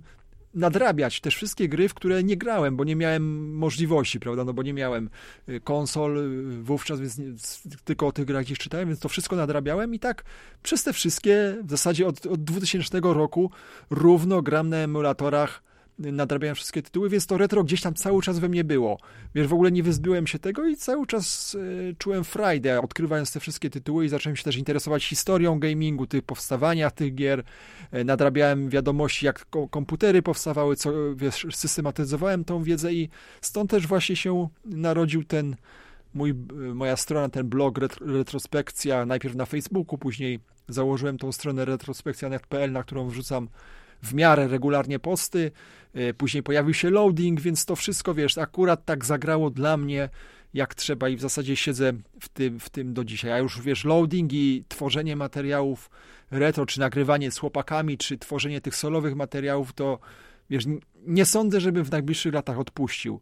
Mhm. To, to jest taki, wiesz, mój, to jest takie hobby, które, wiesz, robię raz, że z pasji, Dwa, że chcę i czuję jakby potrzebę cały czas doskonalenia się w tym, czyli nawet to, jak robię te odcinki solowe, gdzie tam, wiesz, trzeba, się na, trzeba to nakręcić, scenariusz napisać, zmontować to wszystko, gdzie to jakby zajmuje się od, od A do Z wszystkim tam, to to jest, wiesz, frajda taka, że y, ja wiem, że ja dla siebie ewoluuję w tym, że cały czas czegoś nowego się uczę. Staram się, wiesz, jakby jakość tego poprawić i to jest wizualną. produkcyjnie to jest per, perełka, wiesz, no to są takie właśnie tak jakieś przejścia, jak, jak tam są te fragmenty gdzieś No. wycięte. Ja nie wiem, jak ty, jak ty Wie, to, no, sam widzisz- siedzisz tam po prostu Tak, z ja, jestem, Photoshopem jestem, i, tak, człowiek samouk, to złączenie Adobe Premiere z Photoshopem, jeszcze z efektami innymi, więc to ja jestem samoukiem, po prostu siedzę, sprawdzam, co jak zrobić. Oczywiście ta branża polega na tym, że też podpatrujesz, co inni robią, jak są inne filmy, w ogóle nawet nie z gamingiem związane, jakieś dokumentalne, więc wiesz, starasz się podpatrzeć, co jest fajnie zrobione, jak to jest zrobione i później przekuć to do siebie. I ja ciągle, wiesz, mam frajdę z tego, że mogę coś nowego spróbować, zrobić to inaczej, ktoś inny tego tak nie zrobi jak ja, więc cały czas y, myślę, że jeszcze wiele miesięcy, lat upłynie, zanim mi się to znudzi. No bo jak mi się to znudzi, to czym się będę zajmował? Nie mam, y, wiesz, takie, kiedyś miałem takie hobby, y, byłem w, y, w klubie fantastyki krakowskiej przez 15 lat i ograłem się w RPG, bitewniaki, planszówki tyle, że aż mi uszami wychodziło i teraz to, to, to roleplayowanie zamieniłem na retro tą dekadę temu i no nie odpuszczę. Myślę, że to jeszcze ze mną bardzo długo zostanie. Bo z dużo Myślę, historii do powiedzenia. Twój, e, że, tak, ale w ogóle, bo blog jest cały czas ak, e, tak, e, aktywny. Retrospekcja.net.pl To nie Tak. jest tak, że na przykład, nie wiem, jeden projekt zajął ci tyle czasu, że porzuciłeś ten, ten twój oryginalny, Em, no ale widzisz, ale na ja- loadingu się bardziej skupiam jednak teraz, tak. Bo loading to też jest e, 2005, to jest 8 lat, tak? To w Niedługo 2015 roku w kwiet, pod koniec kwietnia dokładnie wystartowaliśmy, 24. Mhm. O, widzisz, też pamiętam. I, w, I wydaje mi się, że od razu też wyskoczyliście z grubej rury. Co przez grubej rury rozumiem, to od razu sobie przygotowaliście koszulki, bo y, jeszcze się wtedy nie znaliśmy, Marcinie, ale ja już wtedy kojarzyłem loading i nie wiem, czy pamiętasz, bo to chyba był Pixel Heaven właśnie w tym 2015 roku, bo to i to y, chyba w, tam y, w Kino Elektronik. Tak, tak, pierwszy raz byłem na Pixel Heaven, tak To był to było. piątek i to był chyba deszcz i tam Było, była taka tak, kawiarenka i wy tak. tam siedzieliście, a my siedzieliśmy y, stolik obok, nie? I przez to, że mieliście te koszulki, to ja was rozpoznałem, nie? I, i, i, i kojarzyłem. E, Tak. Później to jest najlepsze, że ja na przykład jak e, jestem na, na Pixelu, to nie wyobrażam sobie, żeby was nie spotkać. Jak teraz nie ostatnio nie byłem, ale też chyba wiem, że też nie, Nie, byłeś, było więc mnie, mnie nie było, Michała też nie było, był sam Tak, Marek. trochę się rozjechaliśmy, można powiedzieć, ale to jest taki element dla mnie, y, że jak, jak jestem tam, to musimy się spotkać i tak dalej, bo to tak, wiesz, to taki element No jest. może być I ja okazja w prostu- przyszłym roku. Tak, bo no, ten Pixel się przesunął oczywiście wtedy już bardziej w tę te, tę stronę, ten początek wakacji, koniec, y, koniec wiosny, więc nawet temperatury lepsze, nie, nie, nie ma tych, Zdecydowanie. Mhm. tych, tych deszczy, ale właśnie ten loading, y, jak, jak to się stało, żeście się zgadali? Bo, bo chyba e, wiem, że Michał na pewno to miał y, jeszcze ten Retro World, też i swój chyba blog. Tak, miał fanpage, już go chyba teraz nie prowadzi nawet. Ja nie aktualizuję go już z tego, co... co, A, co no on, ma, on co- ma drugą wielką pasję, jest tak. Metallica i czasami mi się wydaje, że ta Metallica jest e, jego taką pasją największą. Tak, naj, naj, tak, zdecydowanie, tak. nie On może ukrywa tego. kochać i może mieć wszystkie e, e, wersje, modele C64, ale Metallica przede wszystkim Tak, to jest... półka to jest wyżej. Tak. No ale to się musieliście gdzieś jakoś spotkać, jakoś Tak. dogadać, nie? I, i, I skąd też ten pomysł, żeby to zrobić właśnie w formie takiego wideo e, Wiesz co? E, tak, myśmy się spotkali, znaczy spotkali wirtualnie. Najpierw to było związane z tą reaktywacją Secret Service'u e, czasopisma i wtedy powstała na Facebooku taka prężna grupa Secret Level, związana oczywiście z pismem i my się jakoś tam poznaliśmy od postu do postu, wiesz, ja sporo tam postowałem, Marek tam postował, on miał wtedy tą swoją y, i ma ciągle tą stronę retro, retro Fanatic, którą tam od czasu do czasu na Facebooku uzupełnia. Michał miał to Retro World. No No, ja Marka wiesz skąd kojarzę? Przepraszam, że ci wejdę w słowo, no, no, no. ale z jego podcastu o planszówkach. Tak, wcześniej, właśnie tak. I wcześniej Marek, do, do tego chciałem zmierzyć, że Marek wcześniej prowadził podcast o planszówkach. E, oni tam z Michałem zaczęli właśnie myśleć e, najpierw we dwóch, żeby coś stworzyć w sieci. To myśleli o portalu, z tego co pamiętam, takim wiesz, stronie internetowej, ale zeszło to na tematy podcastu.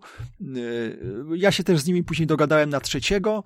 I tak właśnie od słowa do słowa stwierdziliśmy, że trzeba ruszyć, bo wtedy jeszcze, jak pamiętam, ten 2000, połowa 2015 roku, to y, tych kanałów retro polskich to nie było dużo. No był Archon, który już startował z grubej rury, była retrogralnia i było kilka takich pomniejszych kanałów, no, które też startowały. No i stwierdziliśmy, że okej, zaczniemy i tak poszło to właśnie w kierunku tego wideokastu, czyli nie takich krótkich odcinków typowo YouTube'owych, czyli 10 minut i więcej nikt nie wytrzyma, bo taka była wtedy tendencja, tylko stwierdziliśmy, że pójdziemy w takie dłuższe rozmowy, e, czy o jakichś gatunkach gier, o sprzętach i tak dalej. Później filmy do tego doszły, ale w każdym razie założenie od początku było takie, że mówimy dużo i długo.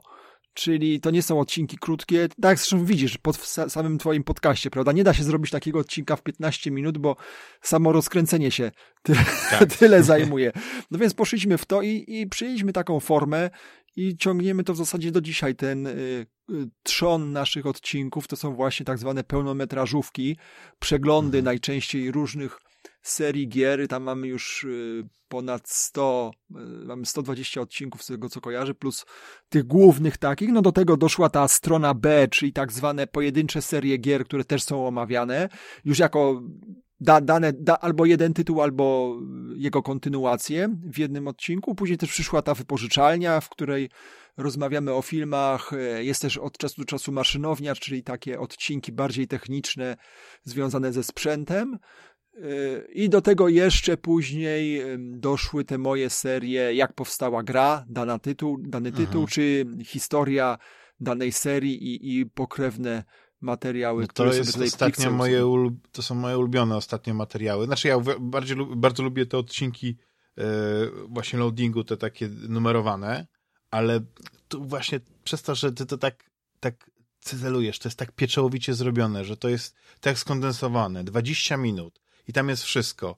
I historia, i, i anegdoty, i, i, um, i przedstawienie tego tematu, przedstawienie tych gier, przedstawienie no, tych, tych Avengersów, nie? Jak właśnie ta była ta historia komputerowych tak, bohaterów Marvela. Odcinek, tak, i ten mój, tak, tak. To ja sobie tak siedziałem właśnie, wziąłem, kurczę, jak te, jak te gry e, ciekawe wyglądały i też był e, aspekt tego, że ZX Spectrum też miał swoją wersję i też ona wyglądała strasznie, zresztą ja w ogóle... tak. E, spektrumowcy to jest właśnie ta siła y, popularności sprzętu i to mi się strasznie podobało, bo ja w ogóle jestem takim fanem, że y, jakbym mógł, to bym chciał, żeby wszystkie gry na wszystkie platformy wychodziły, bo jak ja miałem Atari, to ja patrzyłem z, y, po prostu jak takim, każdy. Na to, że ci kurczę, na C64 i mają, ja mam karatekę, ok, fajny jest International Karate gra, ale oni mają tego Street Fightera, no, który wygląda jak wygląda. Oni mają, ale jest. Nawet mieli Mortal Kombat, no nie? Też, wiesz, to wszystko tak naprawdę wyglądało okropnie, ale było. Na, na spektrumach też te wszystkie takie niesamowite gry jak Total Eclipse, czyli mogłeś zagrać, mimo że chodziły koszmarnie. I, i, i wiesz, to, ten, ten, to była taka maszyna no, niesamowita pod tym względem, ale no, miała swoje ograniczenia, ale jednak y, dla tarowca, no to to był taki. Ech. No i jak patrzę właśnie, jak, jak one wyglądały, te gry, to, to wiesz, nie muszę wracać do niej. Właśnie to jest to, że ten materiał pozwala mi jak to się mówi, nakarmić też nostalgię.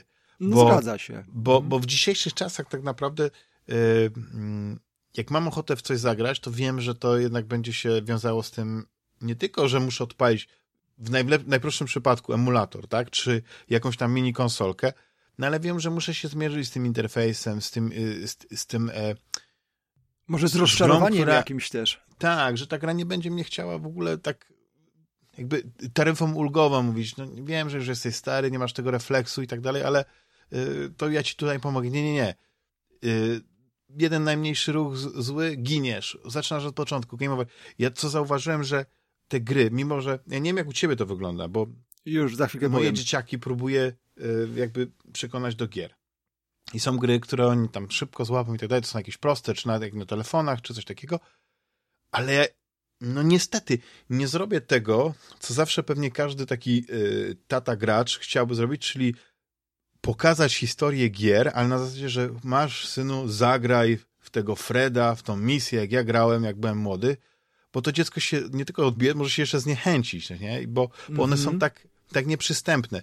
I te gry, które teraz wychodzą, przez to, że mają te, te wszystkie tryby przystępności, które są oczywiście bardziej dostosowane do tego, żeby nie tylko osoba, ale na przykład osoby z niepełnosprawnościami mogły łatwiej grać, to to jest świetne narzędzie też, żeby dzieciaki miały mniej frustracji wchodzenia w ten świat, nie? I, i właśnie jak mówię o tym karmieniu nostalgii, bo to już wracając takie wielkie koło zrobię, to ja obejrzę taki materiał właśnie czy na YouTubie, czy właśnie taki ten i ja mam mam to poczucie, że, że, że zagrałem i to samo jeśli chodzi o przygodówki. Ja bardzo lubię przygodówki, takie point and click i są gry, do których wracam, bo chcę je przejść, ale czasami, kurczę, tą, tą e, nie wiem, e, Laura Bow chyba była Laura taka, Bow, taka, tak. tak. Też robiłem odcinek o tym. Nie tak. wiem, czy się będę po prostu chciał e, męczyć nawet dla przyjemności. Nie, Obejrzę nie sobie polecam. po prostu godzi, godzinny film z przejścia, jakby to był film animowany. Tak? Po, polecam historię na loadingu Laury Bow. Tak, Bo tak. też To jest, robiłem. to, I to jest, to jest gra, która po prostu, jak sobie pamiętam, to ona pięknie wygląda. Zresztą w ogóle niektóre przygodówki, jak Heart of China, mimo że na przykład wersja amigowa no, nie była tak ładna jak wersja pecetowa, to jak sobie o nich myślę, to kurczę, jakbym, jakbym pamiętał jakiś film, jak jakiś, jak, jakiś Tak. y, Spielbergowską epopeję y, przygodową. Y, No, później próbuję w to grać i jest, jest trudno. Ciężko. Jest trudno. Kiepsko czasem, ciężko. Wiesz nie co, wiem, jak ty sobie radzisz z tą nostalgią, jak ty, jak ty ją karmisz. w ogóle przeciwnikiem takiego stwierdzenia, że kiedyś gry były lepsze, fajnie się grało, a teraz to w ogóle nic nie ma na rynku. No dla mnie to jest bzdura, bo dzisiejsze gry są, raz, że są wspaniałe, są rozbudowane, mają świetną oprawę, fabułę, potrafią wzbudzać niesamowite emocje i no nie, trudno mi było, byłoby mi powiedzieć, że zamieniłbym stare gry, yy, wiesz, na nowe, bo wolałbym grać na, wiesz, na, bez, na bezludną wyspę, wziąć pudełko z kartridżami, na przykład na Atari 2600, o którym wspominaliśmy, albo z kasetami, nie wiem, na Commodore albo na ZX Spectrum zamiast dwóch współczesnych gier. No nie, no umówmy się, że większość z tych tytułów y, spoglądamy na nie przy, przez pryzmat nostalgii, jakichś wspomnień z dzieciństwa, y, tamtego zapachu, tamtego czucia, tamtego wzroku, to y, my to wiemy jako dorośli, prawda? My możemy sobie o tym porozmawiać, że wow, to było kiedyś fajne, zagrywaliśmy się w to, bo rzeczywiście na swoje czasy tamte te gry mogły być super i okej, a wiele z nich się niestety kiepsko, to co powiedziałeś, kiepsko zestarzało i źle się na nie patrzy, mają trudne mechaniki, są, nie wypaczają błędów, mają te słynne motywy pixel perfect, czyli jak nie skoczysz tym jednym pikselem nogi na platformę, to giniesz, y, nie masz save'ów i tak dalej, i tak dalej. No są przeciwności, które jakby odrzucają teraz do gry y, w starocie, ale z drugiej strony, tak jak mówiliśmy o Amidze, jest cała też masa gier, które się godnie zestarzały i ciągle są dobre dla nas jako tych y, boomerów już, którzy pamiętają tamte czasy i można bez obrzydzenia zagrać w takiego Lotusa, w Monkey Island 2, w Swiva, Project X. No, mógłbym wymienić dziesiątki takich tytułów, które są fajne nawet na dzisiaj, po to, żeby się odstresować, pograć, przypomnieć sobie jak było i, i one w żaden sposób nie odrzucają, na przykład mnie. Natomiast y, jeżeli y, dochodzimy do tematu dzieci, ja mam dwóch synów, jeden ma 11, drugi ma 7,5 roku, więc oni y, no, na retro tak patrzą niezbyt tak są zainteresowani tym. Lubią sobie czasem zagrać, e, szczególnie wchodzone bijatyki pokroju Asterixa, Simpsonów, czy właśnie Żółwi tak. Ninja, bo to są takie, jest tam taka kreskówkowa przemoc, prawda, e, czyli nic, nic złego się tam nie dzieje, jest fajna grafika, taka komiksowa oprawa, więc okej, mogą się przy tym pobawić, grają sobie na padach, czy ze mną. I przede wszystkim mogą kontynuować w nieskończoność, Tak, więc, e, więc dokładnie. mogą je przejść w godzinę i mieć Na godzinę, e, w satysfakcję. 15-20 minut. I właśnie, i to jest taka ciekawostka, że oni jakby nie rozumieją idei, jak ja im tłumaczyłem, że kiedyś trzeba było wrzucić żeton do automatu, poświęcić kasę, po prostu złotówkę, dwie, żeby zagrać. I to, i miałeś tam dwa, trzy życia i koniec. Jak cię skuli w parę sekund, no to dziękuję, albo wrzucasz i grasz dalej, albo nie. Oni po prostu cały czas sobie tym F5, F6 dorzucają żetony do gry i, i nie ma dla nich problemu. Nie znają tego pojęcia. Natomiast wiesz, inne tytuły y, to tak patrzą, no czasem coś zagrają, czasem nie, ale nie ma takiego entuzjazmu w nich, żeby poznawać tą historię. Znaczy jest im to zupełnie obojętne. Oni wolą zdecydowanie współczesne tytuły. Na konsoli oczywiście rządzi Minecraft i to w edycji tej podstawowej, później to Minecraft Dungeons, czyli takie bardziej fabularne, przygodowe. Teraz wyszło to Minecraft Legends, takie z odrobiną strategii, budowania tam jakichś zasobów czy, czy armii i oni grają, wiesz, w to z kolegami online y, na konsoli, y, więc y, oni to uznają za swoje, swoje właśnie Atari, swoją Amigę, swoje gry. Oczywiście do tego jest cała seria Lego, czyli Marvele, Star Warsy, Harry Potter, to też są tytuły, które razem gramy, wiesz, i tam przechodzimy sobie wspólnie po trochę. E, teraz Spider-Man dwójka na PlayStation 5 też im bardzo e, podszedł i sobie tak po prostu, wiesz, biegamy po mieście, robimy jakieś wszystkie dodatkowe misje, no bo dla nich to jest frajda, prawda?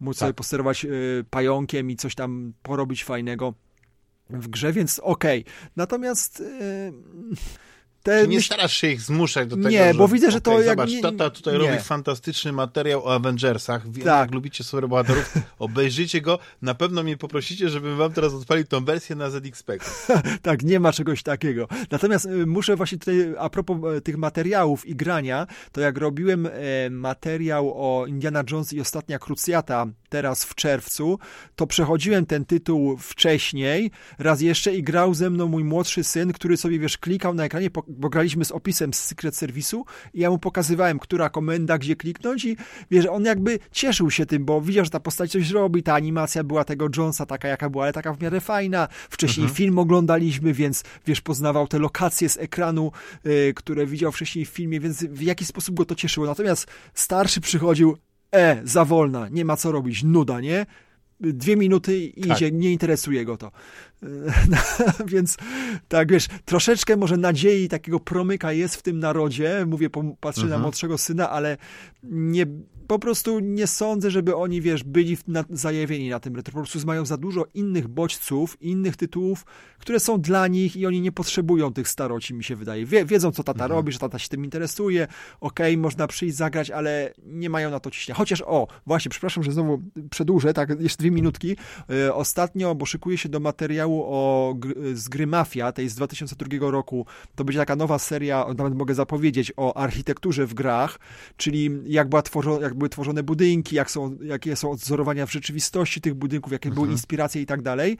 Yy, więc pokrywałem w tą mafię na PC-cie yy, w trybie freeride, czyli takim wolnym, prawda, jeżdżeniu po mieście, gdzie możesz obserwować wszystko, więc oni oczywiście siedli do grania, bo można strzelać postacią, wyciągnąć karabin i biegać po mieście i strzelać i to była dla nich największa frajda, że wie, że mogą zabijać inne wirtualne postacie.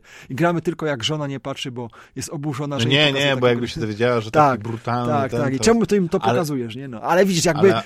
zajawili się, nie, że o, mafia, fajny tytuł, nie gangsterzy, to można biegać, także... Tak, ale w ogóle to, bo jesteś architektem, więc tutaj ten temat budynków, e, no, nawet podwójnie, czy nawet potrójnie fascy bardziej fascynujący, ale ja nie wiem, czy widziałeś tą e, edycję ostateczną Mafii. No mam, ta, na, na, jak... na, na PS4, tak? To co wyszło? Tak, No przyszedłem tak. oczywiście, bo, tak, tak, tak. Tylko, no, że... bo, bo porównujesz sobie, bo wiesz, bo robisz materiał od oryginalnej, nie? Bo powiedziałeś, o, tak, zdecydowanie nie, z oryginalnej. Czy będziesz sobie porównywał, ale kurczę, jak ta gra... Znaczy, mimo, że może ten świat nie jest tak, tak, bo ja miałem, pamiętam kiedyś trochę żalu i to był też do żal do L.A. Noir, że że ten świat jest piękny, ale tam się nic nie dzieje pod, pod względem tego, że my tam nie, nic nie, nie mamy do roboty. Tam po prostu tylko jeździmy. Od misji do tak misji, tak, tak, tak. Ale teraz tak naprawdę y, po prostu doceniam, bo niedawno skończyłem właśnie tą, tą, tą, tą, ten remake Mafii. O, cudowny, strasznie mi się podobał. Jak ta gra jest y, kapitana, pod względem fabularnym, no to to jest majstersztyk. To, y, Petarda. To ona dzisiaj mogłaby iść A spokojnie i, to... i wygrać, nie wiem, 2023 Rock Game Award pod względem tego, tym wizualnym tego miasta. No, ja wiem, że i GTA y, na przykład, nie wiem, 5 no, ma, ma, ma bardziej rozbudowane te, te lokacje, tam jest więcej rzeczy, ale to miasto, to, to, chyba to Empire City chyba się tak, nazywało. Tak, Lost Haven. Lost Haven. Lost Haven, tak, tak. tak. Empire City chyba w dwójce było. No, no, no, pewnie dlatego mi się pomieszały. To wiesz, ja miałem taką niesamowitą przyjemność, żeby po prostu jeździć tymi uliczkami, no patrz, bo tak sobie kiedyś myślałem, czy w poprzedniej wersji nie było świateł? Bo tutaj nie ma świateł, po prostu w, tamtym, w tamtych czasach nie było świateł ulicznych. Przynajmniej tak, tak sobie, wiesz, wiesz, takie dbałość o szczegóły.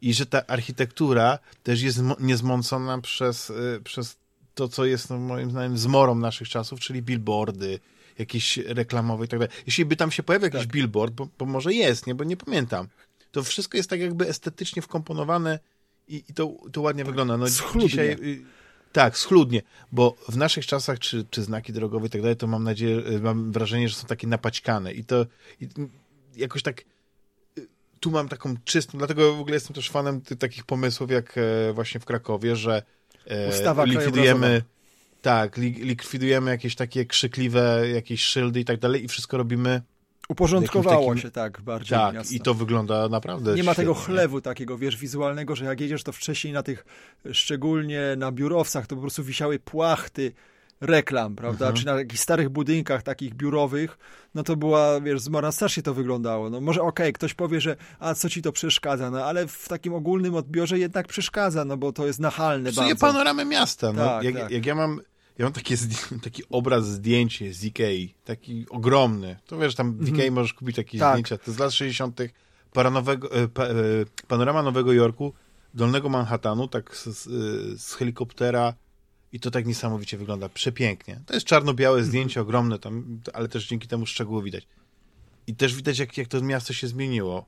Nie? Jak, jak, jak, jak to no komercja, prawda? Nowy Jork jest nadal takim, takim miastem które ma, ma niesamowity urok, taki, jest takie nowoczesne, jest pełno drapaczy chmur, więc, więc tam e, nie jest tak, że ono zbrzydło przez to, że jest, e, że jest, jest jeszcze bardziej zabudowane, że tam ta, że, że te dzielnice już nie są takie, jak, jakie były, że tam powstały te nowe, nowe e, wieżowce, ale wiesz, jest taka inna estetyka i właśnie jak patrzę na ten Nowy Jork z lat 60. i gram w tą mafię, która oczywiście jest dużo wcześniej, bo to są lata 30. 30. No to, no to y, i w jakimś tam stopniu pewnie jedno i drugie gdzieś, znaczy nie, Lost Heaven to bardziej pewnie y, tam e, e, zachód, nie? Znaczy to jest, nie, znaczy nie, to jest, powiem ci, to jest przemieszanie Chicago właśnie i Nowego Jorku. Zresztą Aha, będę w tym odcinku mówił.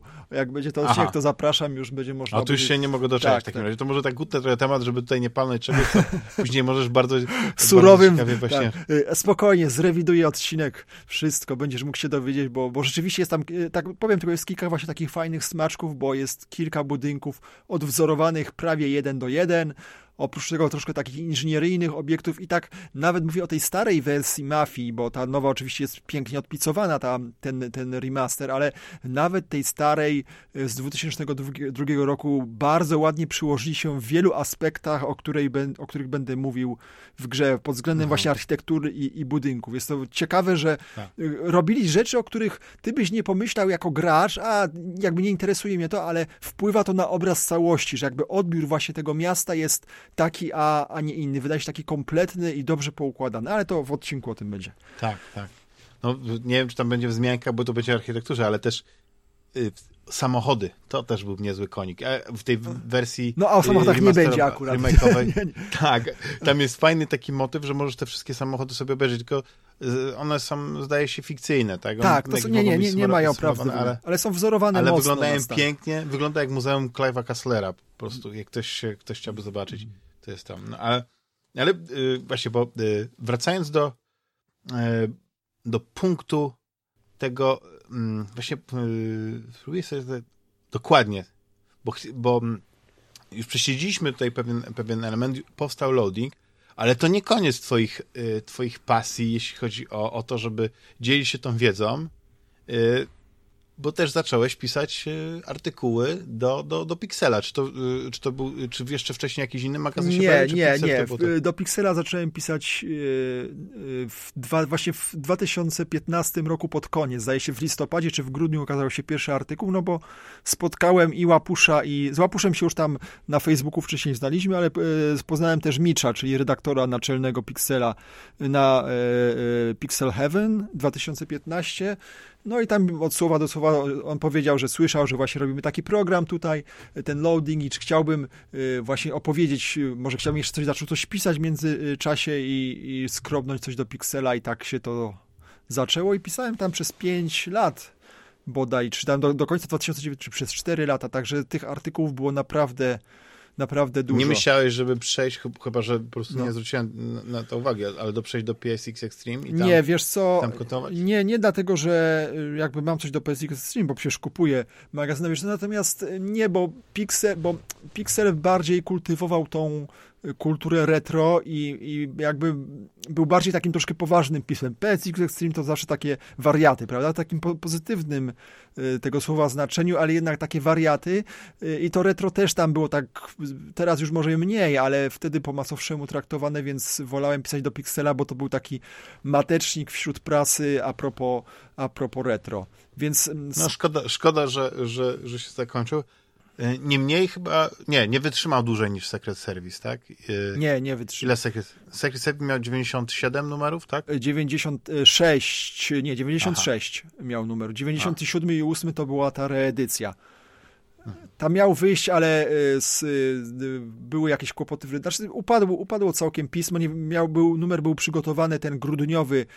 On był, zdaje się, z 2001 roku, jak dobrze pamiętam, czy drugiego, nie, chyba z drugiego i upadł, bo po prostu coś się tam podziało w redakcji. Do dzisiaj nie wiadomo dokładnie o co chodzi, bo nikt się nie przyznał.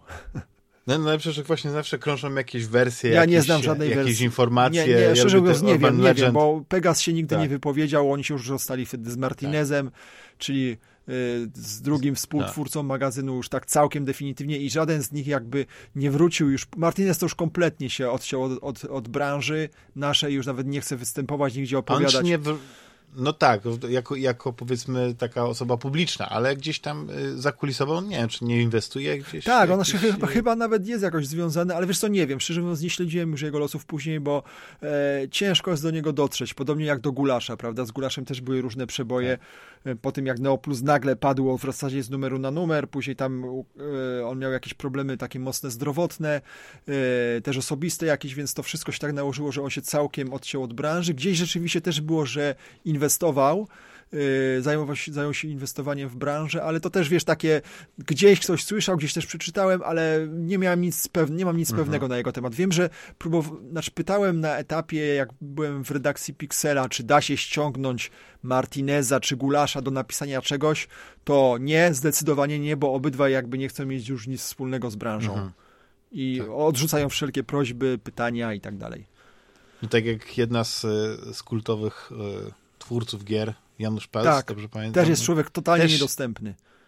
Tak. Chociaż jest, e, funkcjonuje w jakiejś branży informatycznej, chyba jest jakiś wysoko postawiony. E, stanowisko nie wiem dokładnie gdzie, ale wiem, że jedno chyba ze słuchaczy e, pracuje.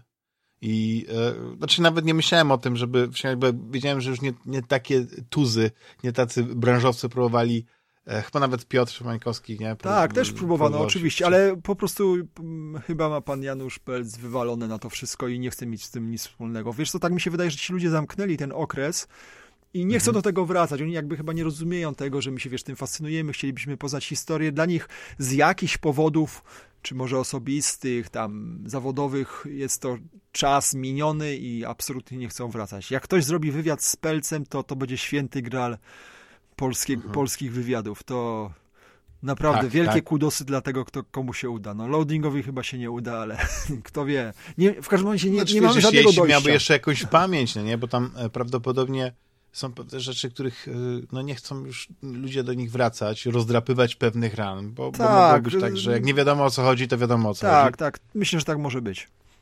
I, i, i, i szkoda, no ale no to jest taki, taka ciekawostka.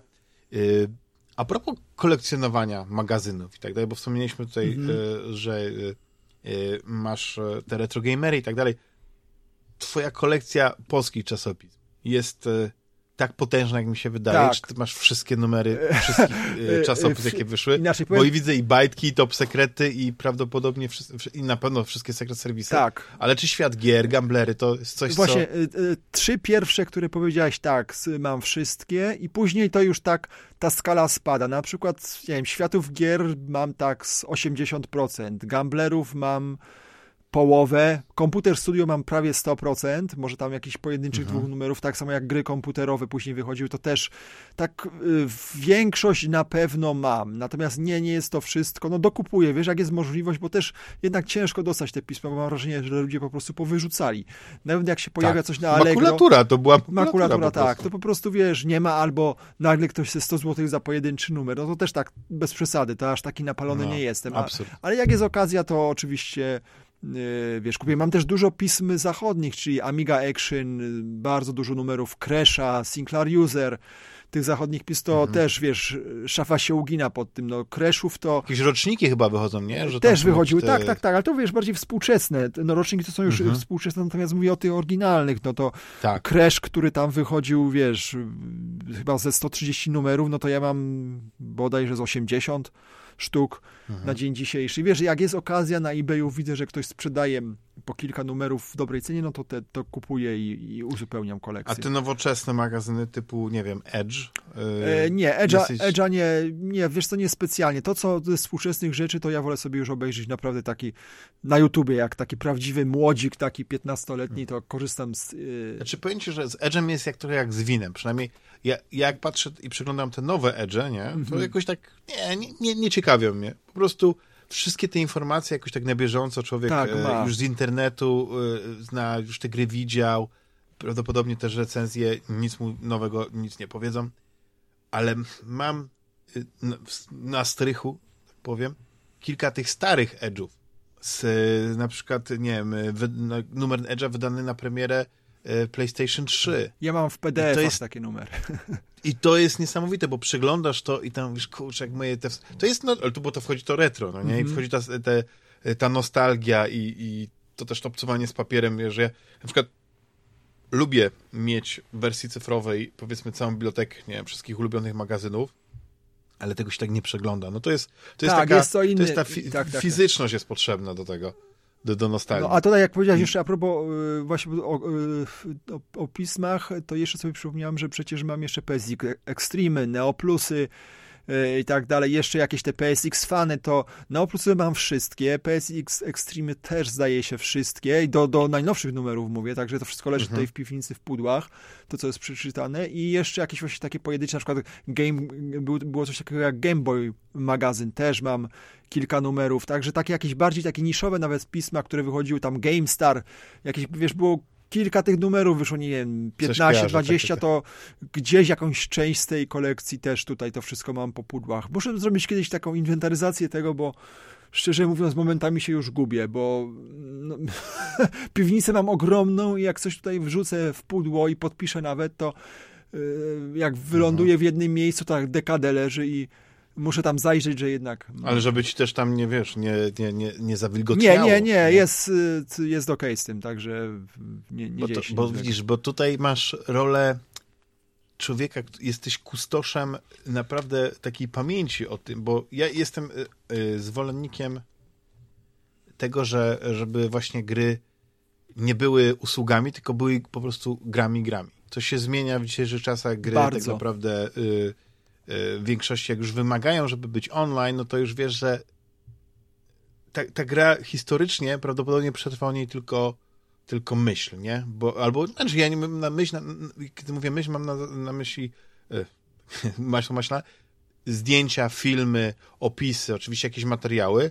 ale już tak naprawdę zagrać się nie będzie w to tak. dało, bo nie odda się tej, tej, tej natury tego. To tak, tak jest wiele gier MMO, z początków, no nie, z tej złotej mm. ery, które już przypadły. No bo są gry, które gdzieś tam na jakimś e, e, serwerze może postawić jako ciekawostkę i to będzie chodzić, ale są gry, których już nigdy nie, nie, nie zobaczymy. Ja pamiętam, chyba była taka oj, teraz nie pamiętam tytułu, ale było takie MMO, w której chyba widziałem, że grałem w wersji beta i, mm. i ono no, nie mogło się równać. Dlatego po prostu przepadło w dziejach, nie? Takiemu Guild Wars e, czy World of Warcraft, ale, ale samo jak sobie pomyślę, no nie, no to to już nawet nikt nie będzie o tym wiedział. Mady, prawda, to... te pierwsze mudy tak, tak, zwane, czyli... Tak, no, że to... to przetrwa tylko na takiej zasadzie, że to gdzieś tam coś opisze, to jak, jak z tymi filmami na taśmach, które, kiedyś e, Hollywood kręciło filmy taśmowo, naprawdę. To było tak, że yy, był zakontraktowany aktor i on po prostu w ciągu tam miesiąca, półtora się kręciło cały film i tak dalej. I mnóstwo filmów po prostu... Przepadło. Nie przetrwało, mhm. tak, bo ten, bo, bo przetopili te, te te taśmy na, na bo potrzebowali, nie wiem, plas, nie, nie wiem, czego tam są te... te Ale nawet gdzieś zaginęły, nawet nie to, że, że wiesz, że, że tak. nadgrywali te taśmy, jak telewizja polska nadgrywała programy na, na starych tak. taśmach, ale gdzieś po prostu te kopie matki zaginęły, a nikt nie robił kopii, a, a te kopie, które były, no to one właśnie, wiesz, nie w kinach czy gdziekolwiek, mhm. no to zostały zutylizowane, czy coś się z nimi stało, a a główna kopia no, poszła i nie wiadomo, czy, czy gdzieś jest, czy wiesz, szczególnie w Europie też część filmów przecież podczas wojny tych starych też gdzieś poprzepadało, no bo polskich nawet, no które no, zniknęły i są już nie do odzyskania, pomimo tego, że ludzie je szukali od lat, no a nie sądzę, żeby gdzieś komuś na strychu leżało coś takiego. To raczej tak, musiała tak. być jakiś, wiesz, jeden złoty strzał tam na dekadę, prawda? To... Tak. No, czasami też ludzie nawet nie wiedzą, co znaleźli i wyrzucą. No nie? Mhm. Wyobraź sobie, że ktoś jakiś, o, jakaś stara, zakurzona taśma. Chociaż tak. dzisiaj mi się wydaje, że jest taka większa świadomość, że ktoś już by mógł bardziej dzisiaj zwrócić na to uwagę, wiesz? Tak, za, czy, czy zapytać w rodzinie, czy coś, czy, tak? wnuczka, to a już wnuczek już mógł się zainteresować, bo no, tak mi się wydaje. No przecież my wszyscy, znaczy wszyscy, mówię w cudzysłowie, e, społeczność retro na pewno bardzo by chciała zobaczyć stare odcinki programu Joystick który, prawda, leciał tak. u nas. To był nasz jedyny taki wtedy program o, o grach komputerowych, który oczywiście już wówczas wydawał się dość siermiężny, ale ja bym chciał zobaczyć te odcinki i telewizja polska posiada te nagrania, natomiast jakbyś chciał pożyczyć, znaczy wypożyczyć, uzyskać dostęp do takiego odcinka, to to idzie już w tysiącach złotych podobno, bo Aha, czyli, znajomy, czyli tak, Bartek Kluska, który tak? interesuje się tematem, on już próbował, pytał, tak, może pan przyjść, wypożyczyć, czy tam zgrać, nie, nie, nieważne, zobaczyć, no to mhm. to są już tysiące złotych, to to wiesz, to jest paranoja tego, że telewizja... Trzeba jakaś fundacja powstać, coś w stylu tak. tego e, e, Archive.org. Tak, ale wiesz co, wydaje ja, mi się, że to jest chyba jakieś... Tak telewizja nasza cudowna, polska działa, nieważne czy za zarządu tego, poprzedniego, jeszcze poprzedniego, oni po prostu mają taki schemat działania, że pomimo, że to są programy publiczne, nagrywane za publiczną kasę, to nie y, bez odpowiedniej opłaty ci nie udostępnią i walcz z tym, handluj z tym, no nie Czy... da rady póki to jeszcze jest tam i nie, nie zniszczone jakoś konserwują, to to jeszcze jakaś jest nadzieja, że może kiedyś coś się zmieni, bo, bo, bo tak jak na przykład e, raz na jakiś czas widzę, że gdzieś się pojawia odcinek sądy, to, to, to prawdopodobnie jest zgrywany z jakichś prywatnych VHS-ów. Tak, tak, tak, tak. Że ktoś, Sądy, ktoś sonda jest akurat dobrze zarchiwizowana. Tam jest mnóstwo tych odcinków. Oczywiście nie wszystkie, ale, ale jednak gro jest i nawet na YouTubie możesz sobie, tak. wiesz, są całe playlisty z tym, więc jest to nadrabiać, a wielu innych rzeczy nie ma jak joysticka. No i aha, es, no pamiętasz Escape'a? Też taki program, który Emil Leszczyński y, kręcił. Tak, tylko że to był na Polonii 1, tak. a ja Polonii 1 nie Aha, miałem. No ja, ja bardziej ja oglądałem i, y, Rubika i, i multimedialny. Tak, ja chyba kiedyś gadałem z, nawet z Emilusem, czy jakieś kopie się zachowały, to mówił, że chyba kilka tylko odcinków i to jeszcze jest na tych taśmach jakimś, na jakimś innym formacie, bet, nie, nie na Betamax, nawet na Betamaxie, na jakimś takim formacie, który jest trudno bardzo zgrywalny, bez jakiegoś takiego dobrego sprzętu odpowiedniego, wiesz, to mhm. nikt się, bo to nie jest przegranie kasety wideo, prawda, to nie jest zapis cyfrowy, tylko jeszcze analogowy, więc no jest jakiś problem. Mhm. Musiałbym go dopytać dokładnie, jaka jest historia z tym, z tym escape'em, czy, czy w ogóle... Nie, no to byłoby super, gdyby się udało właśnie tak pro publico bono, może ktoś musiałby jakąś zbiórkę zrobić, zorganizować to, wiesz, jakiś taki -hmm. na, na zrzucele, tak, żeby to później było gdzieś dostępne publicznie, żeby... A zapytam go nawet, pomysł, bo... pomysł, żeby zrzucić wszystkie odcinki tych programów o grach, właśnie joystick, właśnie ten, na YouTube'a, żeby było ten, nawet żeby wyłączyć monetyzację, żeby to nie było tak, że ktoś myśli o tym, żeby... Nie no, oczywiście, ja te, zgadza się. Tylko, dla że, dobra publicznego. Tylko, że telewizja publiczna tego nie rozumie, no ale to... Mają parę skarbów i znaczy ja w ogóle generalnie y, jestem zadowolony z, z, tego serwisu VOD telewizji polskiej, bo on jest dosyć. No i czemu tam nie ma joysticka, prawda? Są stare no seriale, nie ma alternatywy, zmiennicy, fajnie, można sobie Odnowili obejrzeć. 07 zgłoś się, super. Ja przecież no, zapłacił nawet za możliwość perły. obejrzenia, wiesz, nie mówię o ocenie w tysiącach, ale takiego VOD. No nie, no takie 10 zł za odcinek. Ale nawet wiesz, wykupiłbym tam... abonament tam na miesiąc, dwa, trzy, żeby sobie nadrobić te joysticki, oglądnąć, no, no to mhm. nie, nie ma, no. Może... No, ale w ogóle pamiętasz, oglądałeś, bo to był część e, telewizji edukacyjnej. Tak, ja nagrywałem tak starzy, że, to... że wychowaliśmy się tak. na tym. I, I czy pamiętasz w ogóle? Ja, dla mnie to było taka trochę cyna, że to było tak zorganizowane, że mówię, no, kto tak normalnie może grać w gry i rywalizować, a nie? Ale, ale ja wtedy, znaczy teraz jak, to, jak o tym myślę, to mówię, no nie, no to trzeba machnąć ręką. No, najważniejsze było to, żeby pokazać jakieś te gry i pokazać właśnie, że ta rywalizacja, czy ktoś Tak, tam to, to wygra, było bo tam, siermiężne jak była rywalizacja chyba w jakieś symulatory, To był absurd to tak naprawdę nie- Jak można grać Tak, w tak, joysticku, w programie rozrywkowym, w symulator lotu, gdzie masz klawiszologię, tak. wiesz, to jest... Ja pamiętam bardzo dobrze taki odcinek z Wing Commanderem, y, dwójką, gdzie y, mieli grać po, po kablu, bo to nie, nie po sieci, w cudzysłowie po sieci, czyli po kablu były dwa spięte pecety i gracze mieli się znaleźć w kosmosie i walczyć ze sobą. No i cały Mhm. odcinek programu, ten, który no, był związany z tą grą, oni przylecieli w kosmosie nie mogąc się znaleźć, wiesz, i to po prostu, wiesz, absurdalna sytuacja, no nie znaleźli się, nie walczyli, więc, więc okan dupy rozbić taki odcinek, no więc Mhm, tak. to właśnie jest, dokładnie obrazuje to, że niektóre te gry dobierano totalnie bez sensu i tak, e, Tak. zupełnie. Ale niemniej, to był jedyny taki program. No znaczy nie było nic jedyny, innego no, u tak- nas, tak. Tak, i, i e, no, był awangardowy. A Kazimierza Kaczora ja- ja- pamiętasz? No tak, znaczy ten segment, gdzie Tak. przedstawiał te gry, no ale on też miał fantastyczny sprzęt. Jak on o tym opowiadał, tym swoim ciepłym głosem, Tak. e, pokazywał te gry strategiczne. Czy to już nawet mniej, bo chyba też prezentował Wing Commandera właśnie chyba trzeciego. No Privateer, Privatera, o, tego, tą handlu... e, chociaż te fragmenty, Chyba nawet ten nie? fragment Żeby tego odcinka to, gdzieś jest z Privaterem. To też to fajna gra to hit była. YouTube'a. Tak, to Tak. była Ja bym tak, chciał, żeby ktoś, handlówka. e, ktoś to uratował i ktoś to pokazał, bo, bo to jest kawał historii. Właśnie to jest, to jest coś, co...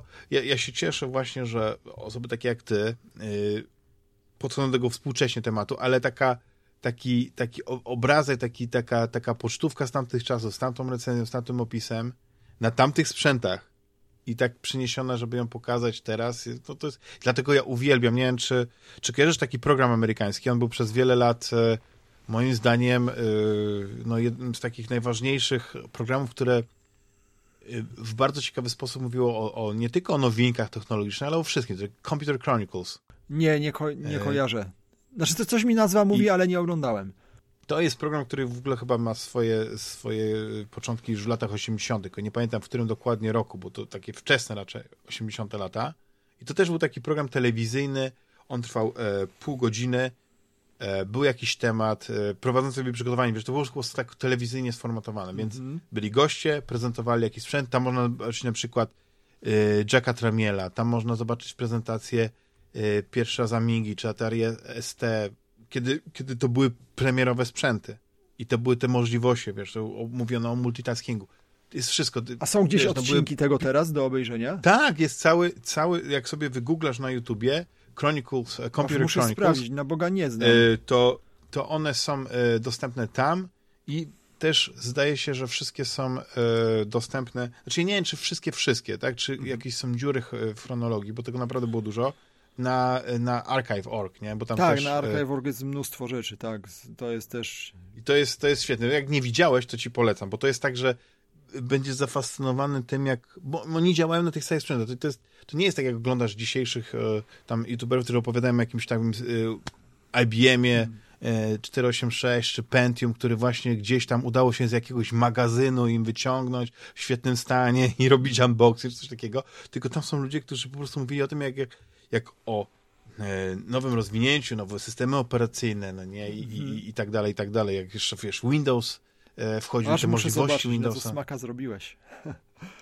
Computer Chronicles i tam na przykład jest też e, dużo odcinków poświęconych grom. Jest jeden odcinek poświęcony symulatorom lotniczym, gdzie chyba właśnie z Microprose e, są goście i jest e, konsultant, pilot prawdziwy, który opowiada o tym, tam grają jakąś misję. No po prostu rewelacja. The Computer Chronicles Kurczę, po, nie, a my mieliśmy na... joystick i taki Tak. studio takie Tak. siermiężne, i, ale później fajny Tak. recenzent. No i tak, i joystick co dwa tygodnie i tak się czekało na niego, on trwał pół godziny, Mhm. a tutaj widzisz, no, no ale takie były u nas możliwości, no umówmy się, że to też wynikało Mhm. z czegoś, prawda? Wspomniałeś o tej swojej piwnicy, bo ja wiem, że to jest taka twoja jaskinia, znaczy nie wiem, czy gracza, czy to jest takie, ale takiego, takiego Manscape to taki, tak... taka kanciapa, taka, tak. ale taka pół na męska pół, no jaskinia. bo tu mamy też swoje rzeczy, mamy rowery, mamy też inne, ale y, jakby mm, sporą część zajmują też tutaj moje rzeczy, moje szpeja, graty. Mhm. Tutaj też nagrywam y, odcinki loadingu, w, czyli jest Profesjonalnie taki... wyciszona jest, bo tam masz te takie gąbki. Tak, tak dalej, znaczy, czy profesjonalnie to jakby tutaj ktoś wpadł, kto się na tym zna, to zaraz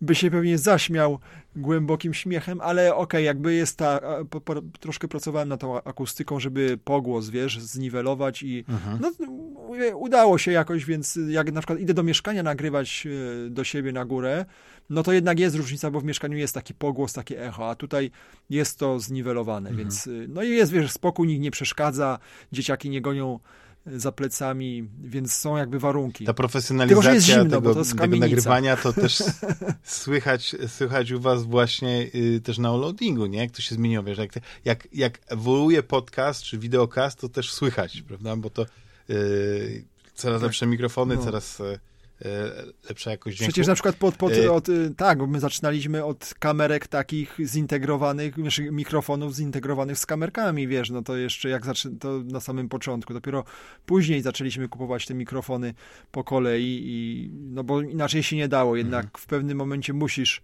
wydać jakieś pieniążki na to, żeby tą, bo YouTube cholernie poszedł do przodu, jak my zaczynaliśmy w 2015 roku, to jeszcze można było sobie pozwolić na tym polskim YouTubie na niedostatki, jakieś niedoróbki techniczne takie mówię, prawda, ale mhm. no dzisiaj jakby ktoś tak wystartował, z, mówię, z jakością techniczną, jak my wówczas, to oh, nie ma o czym mówić tak, w ogóle, tak. to... No wiesz, ja pamiętam historię pierwszego podcastu, to też tam jakoś e, dźwięk była taka, tak. że zwykły mikrofon do, do rozmów przez Skype'a. Czasami y, nagrywanie dźwięku to było tak, że przynajmniej w moim przypadku było takie, że ja po prostu nagrywałem cały dźwięk u siebie, bo moja karta dźwiękowa sprzężała po prostu dźwięk. Czyli po prostu jak ja włączyłem nagrywanie, to nie nagrywało tylko mojego mikrofonu, tylko automatycznie wszystko. jednym ścieżcem miksowało mi wszystko. I to brzmiało tak. fatalnie, chociaż w dzisiejszych czasach e, dzięki tej sztucznej inteligencji, nie, jak na przykład po, e, Adobe Enhanced, no to jesteś w stanie naprawdę poprawić jakoś. No tak, to będzie szło do przodu, to się będzie rzeczy. rozwijało, zgadza się. To tak, naprawdę. Tak. Więc czasami powiedzmy pewne braki można gdzieś tam e, dzięki technologii poprawić, nawet jak coś nie wyjdzie. Ale e, w tej, w tej jaskini, jak już kończąc ten, te, te, tę historię Marcina jako, jako pasjonata z tych czasów w ogóle, e, ten, to jeszcze chciałem się zapytać o VHS-y. Czy czy to jest twoja taka pasja, pasja i na przykład oglądasz e, coś na, na, na specjalnie właśnie na, na, na wideo, nie na kineskopie, czy, czy to jest to tak, idzie... że po prostu fascynuje cię na przykład, nie wiem, historia polskiego dubbingu, czy e, polskich lektorów i, i, to jest tak sympatyczne, wiesz, odkryć taką perełkę, taką kasetę, gdzie masz y, wczesnego Tomasza Knapika. Tak, dr druga gdzie... część twojej wypowiedzi się zgadza z prawdą z rzeczywistością. To znaczy tak, y, VHS-y zbieram y, i oryginalne, i te zgrywki nasze, tak zwane pisane mazakiem y, na etykietach i na maszynie do pisania tytuły. Zbieram wszystko, co jest fajne, natomiast nie oglądam tych filmów na VHS. Mam oczywiście odtwarzacz, mam tutaj kilka telewizorów kineskopowych w piwnicy, więc mogę to zawsze podłączyć, ale no nie oglądam tego, no bo umówmy się, to jest wszystko teraz na streamingu czy, czy na płytach w domu, więc nie ma sensu. Zbieram Y, kasety oryginalne dla samego faktu posiadania na przykład okładek z takiego jakiegoś kina B, wiesz, akcyjniaków z Dudikowem, czy jakichś takich podrzędnych tytułów, typu, nie wiem, teraz widzę, że leży tutaj na półce Operacja Pyton. No film z 90 roku z tytułem takim, że wtedy byś leciał z jęzorem do wypożyczalni, mimo że to jest klasa, nie wiem, C nawet. Mhm. Tam są aktorzy kompletnie nieznani. Efekty są brane z innych filmów na zasadzie, wiesz, prze, przełożenia, yy, znaczy włożenia w montażu ujęcia z innego filmu także no absurd, więc im czasem taki ta, bardziej tani w realizacji film, im głupszy tytuł, tym mi się bardziej podoba i chciałbym go mieć w kolekcji. Wszystkie takie właśnie... No bo prawdopodobnie to jest jedyny sposób, żeby ten film teraz obejrzeć. E, tak, może tak być, zgadza które się. Które dbają tak. o to, żeby go uratować tak. z jakiegoś pchliego targu, gdzie, gdzie by to poszło gdzieś na śmietnik. Zgadza się. Bo tego filmu prawdopodobnie Operacja Ty Pyton może, się ktoś wrzuci na tego YouTube'a, to wiesz, z, z, ten, tam obejrzysz, ale tak naprawdę to stream, na streamingach tych filmów nie ma, nie ma. bo one yy, no, nie opłaca się już. Znaczy, czasami także się opłaca, bo nie wiem, czy, nie wiem, czy zwróciłeś uwagę na, na Amazonie yy, niekiedy wrzucają filmy z, zgrywane prosto z VHS. I tam jeszcze nawet im się nie chce wpisywać datę produkcji oryginalną, więc odpalasz niby jakiś dziwny tytuł, niby data produkcji 2023, a to jest film zgrany z VHS-u z lat 80. Oczywiście no, to jest tak, że czasami na to trafisz, czasami nie, nie? bo tam na, na, na Amazon Prime Ja ostatnio trafiłem na film pod tytułem Asteroid i przez cały film, no to był taki film nakręcony no wiem, właśnie, Asteroida, to yy, powiedzmy po taki science fiction, tak? Michael Caine chyba tam, nie, nie wiem, czy tam Caine grał. Nie, nie, nie, nie, nie, nie, nie, to jest właśnie to, że to jest jakiś film, który nakręcony był dwa lata temu A, i jest o tym, jak, i jest po prostu, tam tego asteroidu w ogóle nie ma. To jest historia jakiejś rodziny, która wraca do miasteczka rodzinnego, właśnie tego ojca, no nie, tego, tej rodziny, tam kupuje dom, no i okazuje się, że y, NASA, czy to w ogóle w wiadomościach grzmią, że w stronę Ziemi się z, y, wiesz, kieruje jakiś asteroid, w ogóle, że będzie jakaś burza. Boże, to... No i tak czekasz na ten film, że tam będzie jakiś element katastroficzny, że to będzie coś w stylu, nie wiem, Rolanda Emericha. Oczywiście w skali e, tych, tych filmów budżetowych, jak Sharknado, czy coś w tym stylu. Ale tam nie, tego nie ma. To, że zjadę do końca, do ostatniej sceny nie ma, nie ma asteroidu Taka uderzającego w. Ziemię, więc... No, o, o Tak, tak, wiesz, może bardziej o tym, nie jak- dojrzałeś drugiego dna. Tak, ale się śmiałem, bo na początku mówię, o, mamy tutaj em, wersję filmową, bo była zapowiedziane, że chcą zekranizować Asteroids, nie? Mhm. No to mamy tutaj wersję Asteroid A. filmu, bo tak czasami się zdarza, Bez że jak jacyś tacy producenci tych, tych filmów klasy D, E, F, nie wiem jak to nawet określić, to oni podłapują pewne tematy i jak ma być jakaś, nie wiem, Pacific Rim, to, wy, to wymyślą jakiś e, Atlantic Albo Reef, Ocean, coś, I Ocean tam- coś tam Reef. Tak, No. tak, że to Tak, wytwórnia tak. e, e, Asylum. Oni chyba robią takie właśnie te No, no to oni są mistrzami, Tak, to dokładnie, to w ogóle o tym, o tak. tym myślałem, o tej wytwórni. plastikowe scenerie To z kartonu wszystko i, i aktorzy, którzy Tak. albo przebrzmieli już z lat 90., albo kompletnie nieznani dzisiaj. No. No ale tak się teraz zastanawiam, tak jak powiedzieć o tych filmach Dudikofa, no to gdzie ja bym chciał, gdzie bym mógł miał Nie ma, obejrzeć? to Te jest wszystkie racja, te jest, jest amerykańskie problem. ninja. Jest duży problem, bo Tak. nie wiem, szczerze mówiąc, gdybym miał szukać tego, to albo chyba w Zatoce Piratów, no bo jedyna opcja, a jak tak, na streamingu, no to nie widzę sensu. No właśnie, na streamingu nie będzie. Nie będzie też wersji nie tyle, że odnowionej, ale takiej, ale zrzucanej z taśmy filmowej, bo, bo, bo, bo mają VHS, więc nie, nie ma prawie szans, nie? że jeśli to nie jest Tak. jakiś taki film, który był kasowym sukcesem, czy to był jakiś klasykiem, e, nie wiem, jakimś Przeminęło wia- z wiatem, czy Sokołem Maltańskim, Casablanką, Przepada to to, gdzieś. to, to przepada, tak. I ja do tej pory walczę o to. Oczywiście bardziej walczę tak e, myślami, no nie, bo, bo nie, nie miałby się nawet do kogo zwrócić, żeby ktoś odrestaurował cyfrowe klątwę z Doliny Węży. Bo to jest nasz e, polsko-radziecki Tak, Indiana Jones, tak, tak. Który, który e, jest z genialną rolą nie tylko u Romana Wilhelmiego, ale tam jest jeszcze parę, parę innych chyba. Ewa. e, So, nie wiem, już nie pamiętam, nie chcę przekręcać nazwisk, ale to jest film, który oczywiście e, są sceny jak na przykład e, ten efekt specjalny, czy tam efekt tego potwora, smoka, który, który wygląda paskudnie i, i wiesz, w porównaniu do tego, co już byli na zachodzie, no to to jest potwarz, ale jakby ten, ten człowiek, ten autor tych efektów specjalnych się tłumaczył, dlaczego tak było, no nie? I, i, i nawet była jakaś po- pokaz tego filmu w kinie z, z, z, taką prelekcją i to było bardzo, było bardzo fajne, bardzo ciekawe. Posłuchać tych ludzi o tym opowiadają, ale ja bym chciał, żeby ktoś, tak jak to zrobili z, nie wiem, z innymi filmami z, z lat 80., i tak żeby je odrestaurowali cyfrowo. I jest ta inicjatywa, jest dużo filmów polskich, które, które e, to przechodzą, tylko nie, nie, nie, nie wszystkie jakby, mm, znaczy mogą być, nie? Więc e, ja może myślę, jest kwestia może wiesz, jakoś jakichś tak praw też, czy czegokolwiek Tak. innego. Z jakiegoś powodu to nie jest ruszane, bo gdzieś coś jest niedogadane. To tak z grami na Gogu, prawda? Nie wszystko też masz, bo gdzieś y, ktoś się kłóci o prawa, jest iluś właścicieli, może ciężko. Tak. Niby, że te filmy kręciła u nas telewizja polska, to jednak mogło być to gdzieś tam, o, z kooperacją No nie, no to- to- radziecką, no to może być problem, nie? Tak, albo czeską, No. albo coś, bo tak jak był ten pan samochodzik ten y, w Pradze czeskiej, no to, no to on był właśnie y, też tak, tak pół na pół Mhm, nie? tak. robiony. No. A dużo filmów było, właśnie to jest najlepsze, że te przygody pilota Pirksa, no, chyba nie przekręcam y, tytułu, y, bo nie wiem, czy jakiś tam był podtytuł, czy nie, test, Test, pilota test, Pirksa, test. taki był chyba tytuł. No to to jest film, który jest z pełnym polskim dubbingiem, ale w oryginale on jest, y, tam są radzieccy aktorzy i to, i to też No czasami i stąd widać, też bo, nie ma bo, u nas tego. nie, Dlatego tu Tak. już masz odpowiedź Ale jest- pytanie. Odrestaurowany i możesz go oglądać y, niemal w jakości Blu-ray.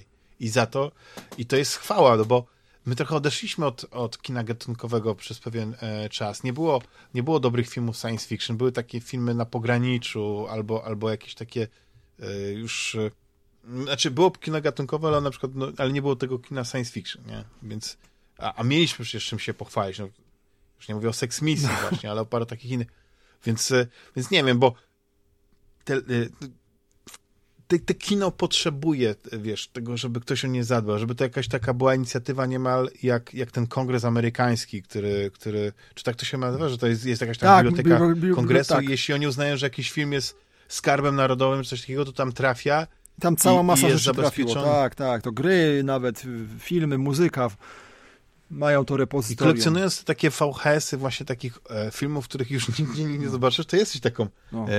e, takim, I, taką biblioteką i, i, I tutaj jeszcze oprócz tych filmów, oczywiście w oryginale, które są wydane, no to jest cała masa filmów pirackich, znaczy pirackich, no wówczas nie było innych y, dostępnych, które są nagrywane przez... Ale tak wyglądały wypożyczalnie. Tak. Nie wiem, czy pamiętasz. Chodziło się, miało się kasetę ze swoim filmem, przychodziło się do, do, do gościa, który miał torbę taką sportową ze swoimi VHS-ami i się tak, wymieniało. Tak, ja pamiętam, chodziłem z ojcem na giełdę. Pierwsza tak, wersja wypożyczalni. Tak, tak, dokładnie tak, tak, było. I kasety, które mieli, na przykład w pudełku się nosiło i kasety, które były etykietą do góry z nazwą filmu były na handel, na wymianę, a te obrócone do góry nogami już były wymienione świeże. I ja i właśnie do tej pory y, mamy w domu kilka takich kaset, między innymi tam jest Gliniarz z Beverly Hills, 48 godzin, załóżmy się o dolara, y, no z Eddie Murphym, które te filmy mają takiego lektora typowo garażowego, który nagrywał, wiesz, gdzieś tam w jakiejś kanciapie, tłumaczył, nie dość, że mylił się w tłumaczeniu, mhm. to dodawał jakieś swoje własne przemyślenia do filmu, tłumaczył śmiech, to jest najlepsze. Jak się aktor śmiał, to ten lektor też się śmiał. I to jest po prostu kosmiczne. Oczywiście tam są kombinacje przekleństw takie, które byś raz, że są, nie, wiesz, totalnie niecenzuralne, co politycznie dzisiaj niepoprawne. Wszystkie takie, wiesz, rzeczy, które dzisiaj by, no nie przeszły w telewizji, to tam lecą mhm. gość równo po wszystkim. Tak, Także... tak.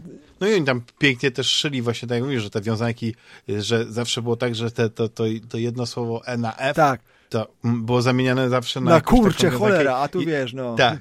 Tak, Są... ale był ten piękny przykład, bo to jest taki jak przykład, który wszyscy znają, więc no, tego znasz na, na 100% z Predatorem, ile miał wersji lektorach i ile różnych przywitań, wersji, tak? tam różnych przekleństw. Jest tych tak. przywitań, co I się witają ze sobą. Dilion z tym, jest ty tak. skurczybyku, ty draniu. Tak, tak, tak. No to jest bajka. tak, to jest bajka. To jest bajka. I dlatego ja po prostu mam niesamowity sem sentyment do lektora. Ja też tak, tak. To jest to coś, jest coś co, niektórzy tego nie mogą zrozumieć, że jak można lubić oglądać filmy, że na, na zachodzie to w ogóle yy, nie ma instytucji lektora. A, a, no. W niektórych krajach, jak nie ma dubbingu, to to są napisy, ale ten voice-over, to mi się wydaje, że to jest taka część nie y, no, u nas było, taka nasza. U, u nas było zdecydowanie. Nie wiem, czy pamiętasz Jana Suzina, który był taki polski lektor i słuchaj, jest, jest taki tak. fajny motyw, bo mm, mam z nim film, który on czyta, to jest Uciekinier, czyli Running Man ze Schwarzeneggerem, mój ulubiony film z Arnoldem i jest taki tak. na YouTubie fragment, jak on zapowiada wcześniej ten film w telewizji i siedzi ten Suzin i to jest niesamowite, że on mówi, że zapraszam Państwa teraz na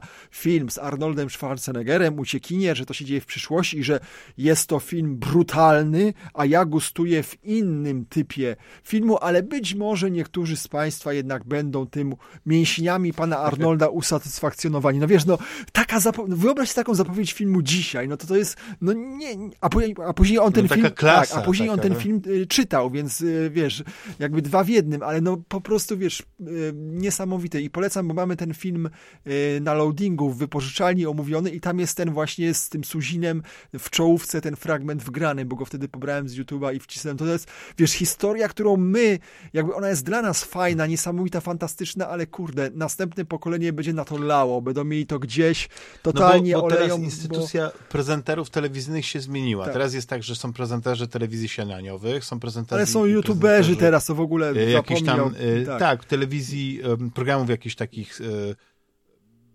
nie wiem, teleturniej, ale nikt nie zapowiada filmów rzeczy, ale... już, no nie ma tego. To... Tak, nie ma tej konferencjerki tak. takiego. A w starym takiego, kinie, pamiętasz? Po prostu... O. Taki gość, ten, no, nie pamiętam no nazwiska tego pana, ale on opowiadał o tych filmach. To było całe show, znaczy show nawet, to było takie wprowadzenie do tego, takie wiesz, z taką elegancją, wiesz, z estymą i on mówił, to było, wiesz, no, na, tak na poziomie intelektualnie wszystko, to zupełnie inny poziom. To tak, dzisiaj tak, jest, tak, moim tak. zdaniem, to jest nie do zrealizowania dzisiaj. To zostają właśnie youtuberzy, którzy mieliby chęć mhm. w taki sposób jakiś opowiadać o tym. No okej, okay, są tam, nie wiem, jest pan Tomasz Raczek, który na przykład w radiu, yy, zdaje się, on jest w Nowym Świecie, czy w, czy, przy 357, chyba w 357, e, nie, w Nowym Świecie, przepraszam, po audycji Wojciecha Mana w no, niedzielę opowiada o filmach. Na YouTube, tak, i on świetnie opowiada, po prostu jak jego słuchasz, to chcesz oglądać te filmy, bo on właśnie mówi, jak ci starzy prezenterzy w takim sensie on to opowiada, z taką, wiesz, z taką gracją i z taką mhm. godnością o tych filmach. No, jest jednak jeszcze, wiesz... Znaczy, wiesz co, jest jedna rzecz, a propos tak e, wspominając tego, co ja bym chciał, żeby zostało zarchiwizowane, albo nawet wydane, to ja bym bardzo, bardzo chciał, żeby... Tylko, że to jest też prawdopodobnie niemożliwe do wykonania, bo, bo, bo zbyt wiele czynników tutaj musi się zgadzać, nie tylko pewnie pieniądze, żeby było takie wydanie filmów pod tytułem taka seria, kolekcja, wielka kolekcja, nie niech to Da Agostini albo jakiś inny świat wiedzy, czy jak się nazywają, wydadzą, czy tam kto to wydaje, Perły z Lamusa i te filmy, które były, albo przynajmniej te, te, te lepsze, te ciekawsze, te większe filmy, które były pokazywane w tym, w tym programie, były z komentarzem właśnie y, Kałużyńskiego i Iraczka z tym wprowadzeniem bo ja po prostu uwielbiałem Perły z Lamusa, ja uwielbiałem e, słuchać ludzi. Teraz nie ma, e, znaczy, teraz mamy jakby mniejsze autorytety i więcej ich, ale wtedy, jeśli chodzi o kulturę, to wiadomo, jeśli interesowałeś się właśnie filmem, to Tomasz Oczek, Zygmunt Kałużyński. Jeśli interesowałeś się e, operą, nie, to był chyba ten e, Kaczyński, tak? Już nie pamiętam dokładnie nie imienia, ale na pewno Tak, był Kaczyński, tak, tak, on miał to charakterystyczne nazwisko, tak, tak, tak, dokładnie. Tak, i to były tych, tych programów takich, gdzie, gdzie pokazywano coś, ale też dawano ci pewną taki rys, taki klucz, e, opowiadano, dlaczego to ma znaczenie, dlaczego to jest e, tak wyjątkowa sztuka, e, wspaniała opera, dlaczego to jest kulturowo ważny film. I czy to jest prapremiera, czy to jest premiera, czy jak, jak to tam zawsze było, bo, bo no, pewne filmy, które wyciągali faktycznie z lamusa, które nigdy nie miały premiery kinowej w Polsce, e, no to wiesz, że to zobaczyć jakiś taki klasykę kina amerykańskiego właśnie po raz pierwszy z takim komentarzem, bajka. No i dlatego ja bym chciał, żeby ktoś to kiedyś właśnie, nie żeby Telewizja Polska miała taki swój projekt, bo okej, okay, ja rozumiem, że jeśli chodzi o pieniądze, jeśli chodzi o to, żeby ktoś tak indywidualnie, tak jak, jak powiedziałeś, że Bartek chciał tam iść i, i to samo jakoś zrobić, ale gdzieś tam w, w, telewizji polskiej jakaś taka komórka do cyfryzacji tego materiału archiwum powstała, żeby to wszystko zarewizować i żeby to było dostępne, kanał wiesz, właśnie to TVP, jest problem, żeby to było YouTube'owy. dostępne, przecież to wiesz, strasznie nad tym, wiesz, masa osób boleje właśnie, że te rzeczy są gdzieś tam schowane i tak jak mówisz, że nie ma mhm. jakby takiej chęci, żeby to odkopać i puścić, bo z drugiej strony, tak jak mówisz, nam by się to spodobało, my byśmy tego chcieli, ale pewnie kolejne pokolenia, już nawet nie mówię o naszych dzieciach, ale tych dwudziestolatków dzisiejszych pewnie to zlało i to nie jest target też... tak zwany, no. prawda? To, to już jest dla no nie, no, numerów. No, to, to jakby powiedzmy ktoś, w, yy, powiedzmy my fascynujemy się kinem lat 80., lat 90. i, i ono nas kręci, no nie? Czy, czy to jest tam klasy B, czy, czy nie, to mamy do niego sentyment. No, no już powiedzmy, z niemym kinem byłoby różnie. Ja to rozumiem, ale niemniej to nieme kino jest ważne dla historii. Trzeba dbać o to, żeby ono nie zniknęło, więc są te instytucje, które się tym zajmują.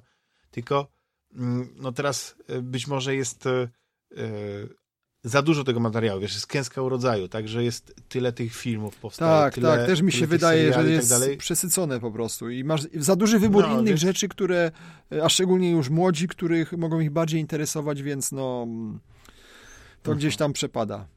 No ale z drugiej strony jestem y, też, trzeba przyznać, że właśnie na YouTubie jest wiele kanałów, które jakby kultywują ten na przykład Cinemasacre, czyli y, Angry Video Game Nerd.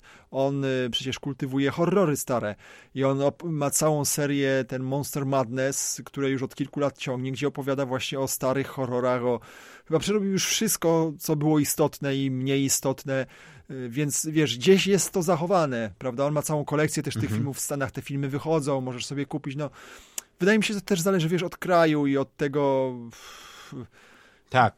Znaczy nie, no jest zapotrzebowanie na pewne klasyki, takie kina klasy, e, no nie no, niech będzie, że B. Nie wiem, czy, czy kojarzysz na przykład taką, to nie jest wytwórnik, to jest chyba taki dystrybutor, tak, tak bym go nazwał, Arrow. Nie, nie kojarzę, nie, nie. I oni, I oni wydają właśnie tak, jak oni wydają jakiś film, który mógł być wydany wcześniej w jakiejś innej wersji, na przykład na Blu-rayu, ale oni wydają to, to wydanie, to jest coś jak kiedyś też były takie fantastyczne wydania, one nadal wychodzą, tylko że to niestety tylko w Stanach. On się nazywał Criterion Collection.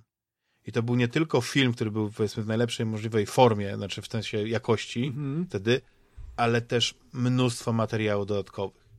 Komentarze reżysera, producenta, wiesz, i tak dalej, i tak dalej. No mnóstwo rzeczy. Ja uwielbiam w ogóle te dodatki, dlatego jak ja kupuję jakiś, jakiś film na, na, na Blu-rayu do kolekcji, bo akurat ja, moim konikiem jest zbieranie filmów, ale nie robię tego, wiesz, tak, że kupuję każdy film. To, to wybiórczo, nie? Ale, ale na przykład klasykę to próbuję sobie odbudować to dla mnie ważne jest, żeby tam też ten... Te dodatki, prawda? Właśnie, film, tak, tak, tak, te making of, za kulis, wywiady. Ale tutaj cię muszę niestety tak. zmartwić, tak. bo y, coraz więcej y, firm odchodzi od wydawania w ogóle filmów na, na płytach. Tak. Teraz Universal zapowiedział, że wycofuje że wszystkie swoje... Znaczy nie będzie nowych produkcji dostępnych już na płytach, czy tam DVD, Blu-ray, 4K. Nie, po prostu nie. I tutaj streaming... No to ja coś czuję, że to będzie w ogóle jakiś taki powstanie jakiś czarny rynek bootlegów, który, ludzi, którzy się tym będą zajmować, no bo rynek nie znosi próżni i, i, i, i ktoś musi się tym zająć, tak? Te, no zobaczymy właśnie, to jest, to jest bardzo niepokojący Guillermo trend. Del Toro. To jest bardzo, bardzo tak. kiepska sprawa. Ostatnio chyba Christopher Nolan i Guillermo del Toro to nie, jakby podnieśli ten temat, że, że kolekcjonerzy filmów, ludzie, którzy kupują fizyczne y, filmy na fizycznych nośnikach, nie, to, to oni są tymi kustoszami. Oni, oni dbają o to, żeby, żeby te filmy przetrwały.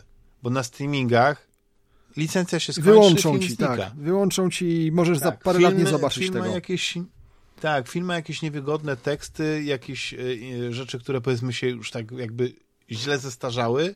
Ale myślę, że licencje przede wszystkim, ma... kwestie tutaj licencyjne bardziej i op tak. opłat za to. No, posiedzi film rok no gdzieś. Tak, ale czasami nawet filmy, które są wyprodukowane przez, znaczy nie wiem, czy jak w przypadku Netflixa, ale wiem, że, że e, teraz chyba była taka sprawa, nie wiem dokładnie, bo, bo była jakaś taka informacja, że wszystkie filmy, które były produkowane przez kogoś na platformie chyba PlayStation, tam, którą miałeś, to ci znikają z biblioteki. Nawet ich później nie możesz otworzyć. Tak, Wiesz, tak, tak, jest tak. tak, że nie możesz ich kupić, tylko nie możesz ich później ponownie nawet ściągnąć. Wiesz, nie możesz, że nie. twoja cyfrowa jak... biblioteka się rozpada w pył. Dokładnie, tak. Jak, jak stracisz konsolę, to już jej nie pobierzesz tej gry. Nawet jak ją miałeś kupioną i miałeś jeszcze tak. rok temu możliwość pobrania ponownego, to teraz już po prostu tego nie ma. Dziękujemy. Dokładnie, dlatego ja mam gdzieś tam jakiegoś starego iPoda, którego trzymam, wiesz, iPod Toucha z chyba drugiej czy trzeciej generacji, który ma gry, których nie to, że nawet nie ma w sklepach teraz, ale nawet jakby były w sklepach, to ich nie odpalisz,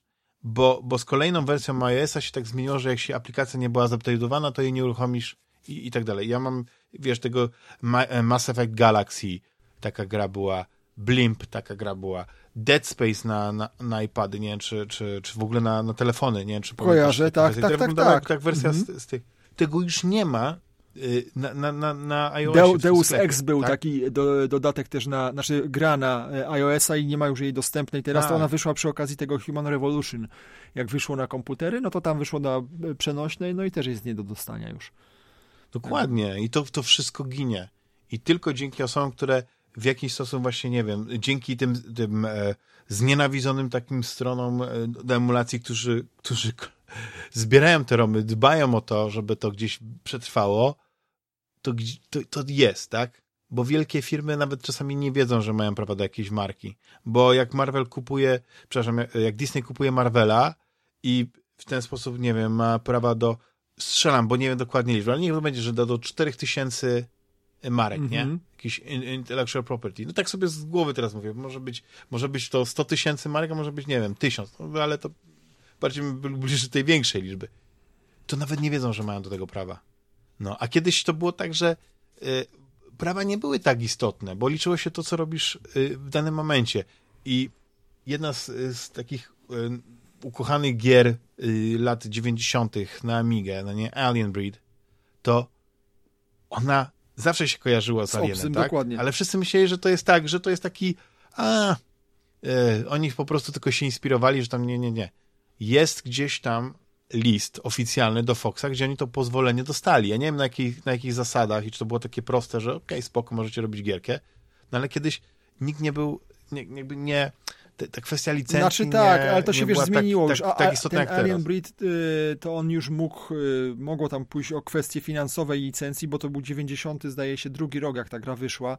To już, już wtedy wytwórnie wiedziały, że mogą sprzedać za konkretne dolary y, licencje No tak, no bo jak gier. pomyślisz, że ta gra, z którą się wiąże ten niby największy upadek w historii gier, tak? Że, że później musiało E.T.? to wszystko się Ale to, to wiesz, to troszkę taka Tak. legenda. Między innymi to jest jeden z Tak, przyczynek, ale nie tak. główny, no. Dokładnie. Znaczy efektem było tego, że efekt, efekt tego krachu był taki, że to IT się w ogóle nie sprzedało i dlatego też później te, te takie miejskie legendy powstały na temat, że to IT jaka było. Nie, nie, nie, nie. Oni Byli, prostu to już- było między innymi Tak. przez to. No, to jest taki symbol po Tak. prostu. Ale, ale oni za te licencje właśnie do tych filmów Spielberg i tak dalej, no nie płacili grube miliony. Bo właśnie za E.T. chyba właśnie... Przecież tam była milion, historia, że nie? wyprodukowali więcej cartridge'y niż było konsol na rynku. No to Niż jakiś było absurd, konsol, nie? tak, bo, tak. liczyli na to, że s- e, sprzęt, wiesz, zacznie się sprzedawać i nie będą musieli dorabiać, tylko już będą mieli na półkach sklepowych E.T. No. Ale wiesz, że jak sobie myślisz, no to wydaje się absurd, ale y, historia zna takie przypadki, że na przykład Windows 95 miał tak fantastyczną promocję, w ogóle marketing, że ludzie kupowali Windows 95 nawet nie mając komputerów. na przyszłość. I, i, i tak, i stawali w kolejkach. Zresztą na pewno widziałeś, bo jako, jako, jako właśnie historyk y, z, z pasji, y, który przemierzył y, te odmęty internetu, te filmy instruktażowe Tak. z, z Matthew Perry i Rachel i z Jamesem Aniston, czyli Rachel właśnie z Przyjaciół, gdzie oni pokazywali te podstawowe funkcje, które y, kt- Windowsa 95, które no, no to było coś niesamowitego, że na, takie rzeczy już na komputerze można robić z taką łatwością, nie? I, i, to No celebryci No, reklamowali ktoś- po prostu, wiesz, Ameryka, panie, Ameryka. Tak, tak, dokładnie, dokładnie. Yy, Marcinie, bo yy, i doszliśmy do czasów współczesnych, yy, bo wiadomo, że retro, pasja do retro, kolekcjonowanie yy, filmów, yy, tak, no bo wiadomo, filmy kiedyś były lepsze, więc też się kolekcjonuje te starsze tytuły, ale masz takie wrażenie, że filmy kiedyś były lepsze, zgadzasz się ze mną? Wiesz co, wydaje mi się, że po prostu tutaj- dzisiaj mm, ciężko jest czymś zaskoczyć i te, one były lepsze może w tym sensie, że były pierwsze w czymś.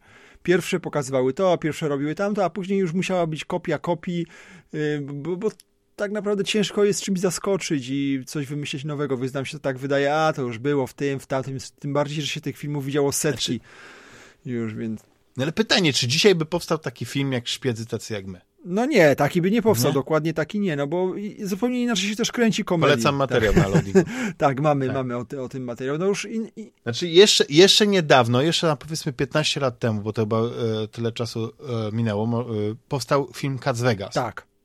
Ale dzisiaj mi się wydaje, że on by nie powstał.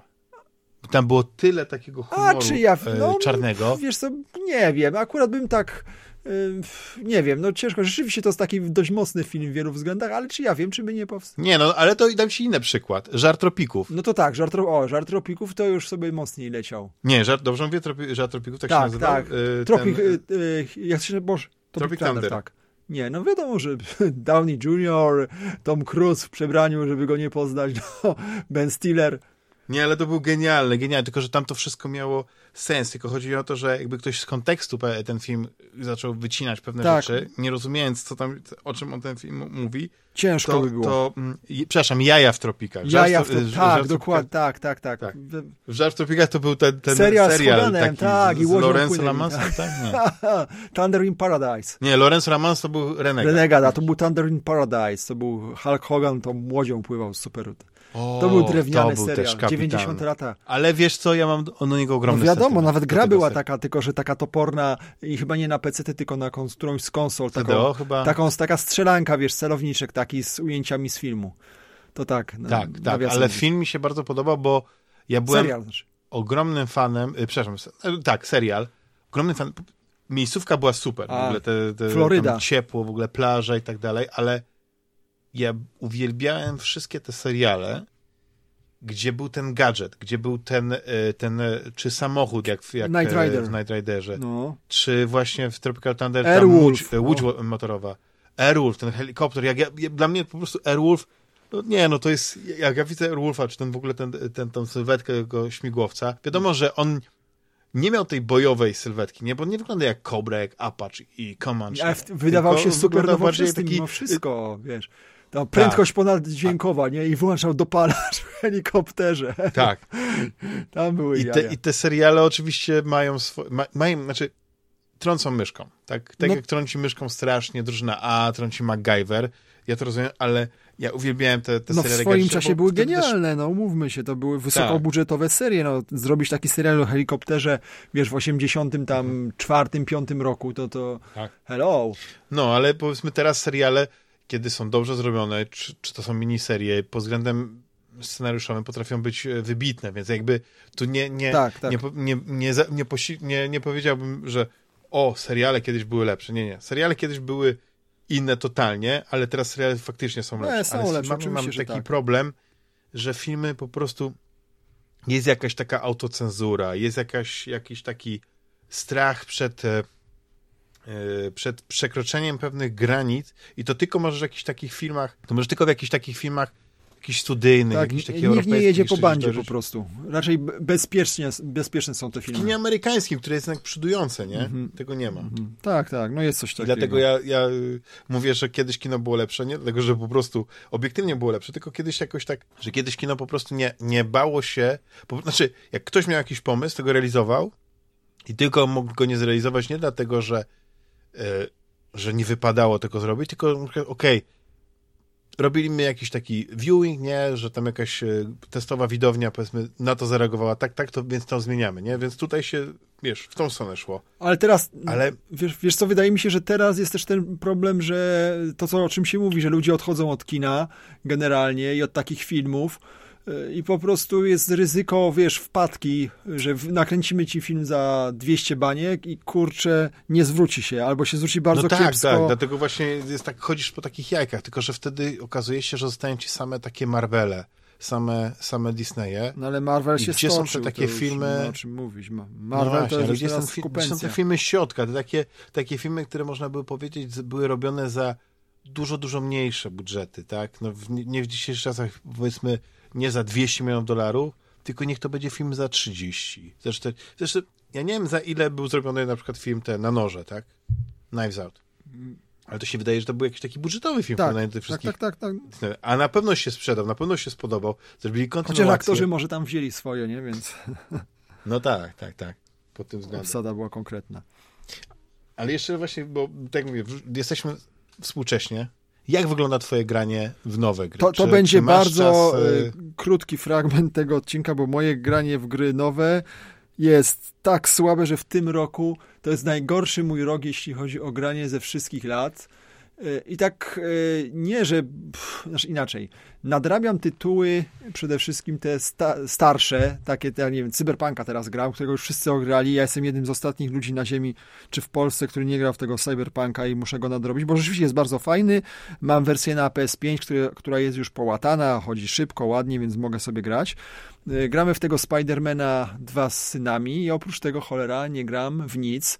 Co, a paradoksem jest to, że mam abonament PS PlayStation Extra, gdzie dostaję nie dość, że te 3-4 gry co miesiąc, to jeszcze jest ten katalog gier, gdzie nie jestem w stanie tego nawet przejrzeć, ile tam jest dobroci, a jakby taka, mhm. y, wynika to z tego, że nie gram, nie, że mi się nie chce, bo mi się znudziło, bo absolutnie, bo uważam, że gry są świetne dzisiejsze i bardzo bym chciał sobie w nie popykać, ale po prostu zajawiłem się tak na to retro, znaczy na nagrywanie tego retro, na loadingu i na tworzenie tych takich tych solowych materiałów, które jakby pochłaniają mi gro wolnego czasu, że no nie mam specjalnie możliwości, wiesz, usiąść i zagrać, bo zawsze z tyłu głowy mi chodzi to, a kurczę, a chciałem sobie spróbować to zmontować tak i tak, to wracam do Adobe Premiera i zaczynam, wiesz, i spędzam dwie tak. godziny nad jakimiś pierdołami, które później w odcinku trwają parę sekund, ale ja je muszę koniecznie rozgryźć, bo nie mogę spać, bo muszę wiedzieć, jak to zadziała i czy to się sprawdzi, czy to będzie dobrze wyglądało jak już wiem, że się sprawdzi, no to już idę spać, bo już nie mam siły na to granie. No tak.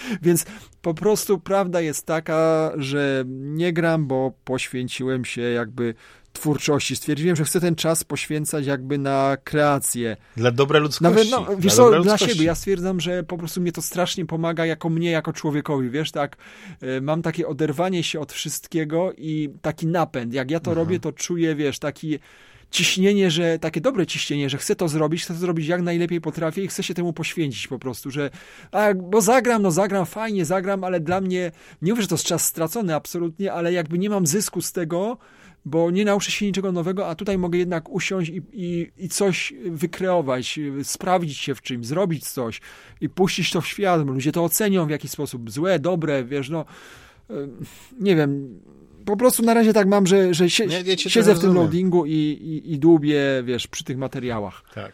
No bo to jest tak, że ten czas nie jest z, z gumy. Dokładnie. Doba trwa tylko 24 godziny i niestety większość tego czasu spędzamy w pracy, więc jak przychodzimy, to też jesteśmy trochę męczeni Wiesz, że są jeszcze dzieciaki, to tam, to są inne sprawy, te właśnie tak. Netflixy, HBOsy, Amazony Prime, wszystko, wiesz, też mi odrywa, bo... Ja mam tyle pasji człowiek ma, ale tak naprawdę nie ma czasu, no nie, bo ja staram się tak kultywować moją pasję z grami wideo, ale gdzieś tam z tyłu są te planszówki, które raz na jakiś czas wyciągam, ale to się mhm. okazuje, że to raz na jakiś czas to jest, jestem szczęśliwy, jeśli raz na miesiąc wyciągnę jakąś planszówkę Dodatkowo, no, warto też czytać, więc jakąś książkę trzeba tak, czytać. Też czytam, też Ale czytanie czytam. książki jest tak, zajmuje powiedzmy cztery razy dłużej niż obejrzenie na przykład filmu. Więc w tym czasie mógłbym powiedzieć, Dokładnie. Mógłbym obejrzeć cztery filmy.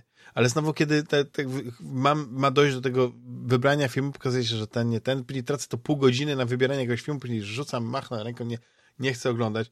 Jakieś komiksy się pojawiają, już tak dalej.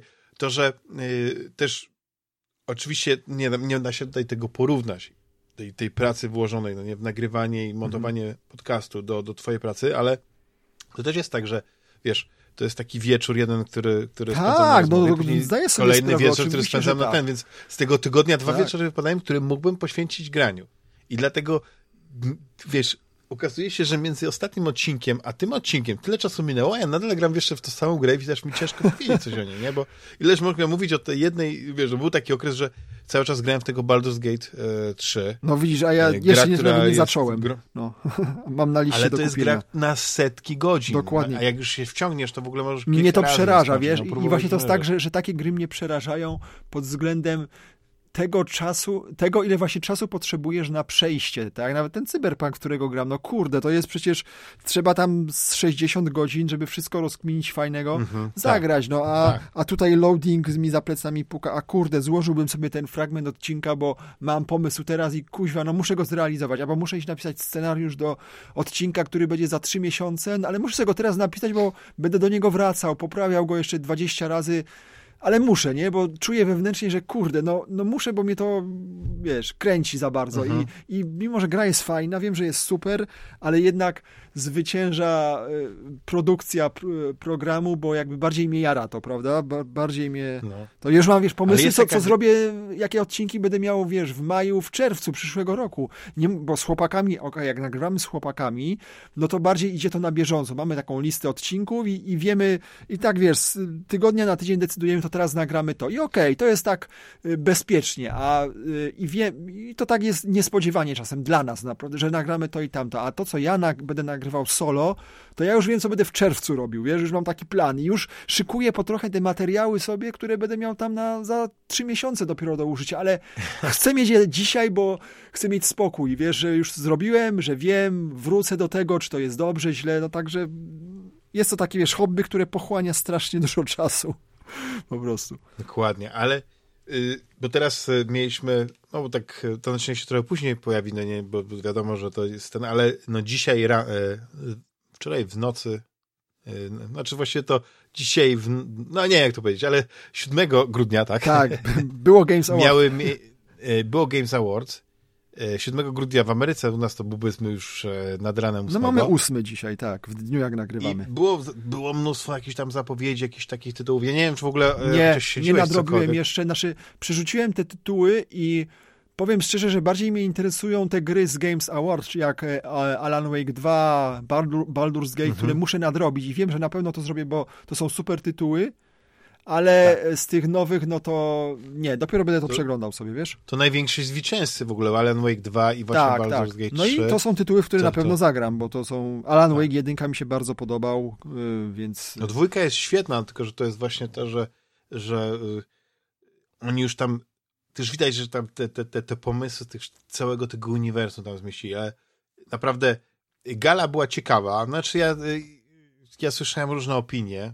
Ja koniec końców, jak ją obejrzałem, to sobie nawet pomyślałem, że tak fajnie wyszło, że coraz bardziej jednak widzisz ten rozmach i rozumiesz, że, że ta gala oprócz tego, że nie ma, mm, jakby to powiedzieć, że no nie ma tu tych, tych samych aktorów, no nie, że nie ma tych, tych gwiazd hollywoodzkich, bo to, bo to jest tak, że nie da się tego zmierzyć, nie, że to jednak jest mm -hmm. inna, ta, to, to sama gala jest zrobiona w taki sposób, że można powiedzieć, że to jest ten poziom, no nie? Już odeszliśmy od tego, że nagrywamy, powiedzmy, kamerką y, ktoś komuś wręcza dyplom za najlepszy tytuł, tylko, tylko robi No to jest to biznes, wiadomo, że tak, to nie ma o czym mówić. To Aranżacja już... orkiestry, gdzie jest, wiesz, bo jak jest e, ogłaszana e, gra roku, to jest taki, taki, taki motyw muzyczny zmieszany z, z motywu z tych wszystkich nominowanych gier.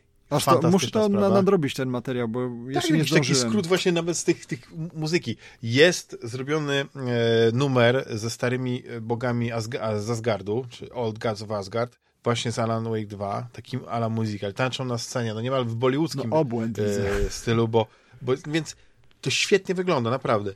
Z drugiej strony jest też takie potraktowanie, że e, okej, okay, musimy pokazać te zwiastuny, bo to też jest taki ważny element i niektóre gry wyglądają bardzo podobnie, że nawet gdybyś nie wiedział, jaki to jest tytuł, to, to, to ta wygląda, ten Last Sentinel wygląda jak Exodus, ale jest jeszcze jakiś Exo, coś tam gra inna i tak coś to mieszać, więc ja, ja w ogóle muszę sobie to wszystko jeszcze raz obejrzeć, bo było parę rzeczy, które mi się podobały, ale one mi się tam zmieszały. Ale z drugiej strony słyszałem negatywne głosy, że po prostu przez to, że e, rok temu jak e, aktor, który odbierał, zapomniałem jak się nazywa ten aktor, Christopher, tak? E, który grał e, tego, Kratosa. Wiem, i też z e, wyglądu go kojarzę z kolei. Z Stargate 1, nie?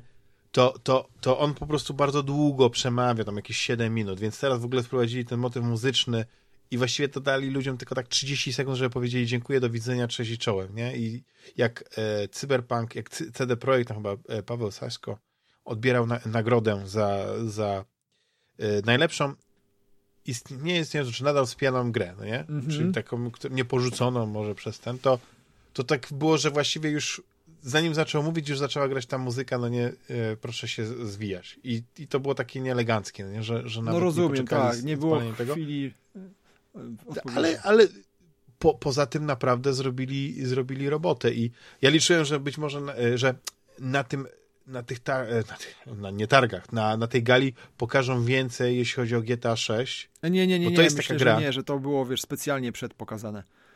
Tak? tak że bo tak. już oni wiedzieli, że już tak nie będą nic robić. Tak, że to wiesz, oni chcieli mieć swoje. Wie, że oni schodzą swoimi drogami zawsze, więc pokazali no, ale teraz... widziałeś się ten zwiastun, tak. czy to jest taka gra, która na przykład, bo, bo są takie gry i prawdopodobnie GTA 6 będzie taka, że ja po prostu mówię, dobra, rzucam wszystko i ja gram w tą grę. Tak będzie. Okej, okay, tak. w, połowie montażu odcinka mówię, dobra, tak. to wiesz. Następna taka gra to będzie, tak, następna taka gra to będzie Indiana Jones nowy, a później to będzie mhm. gra z Bondem, która też powstaje, to robią ludzie od Hitmana.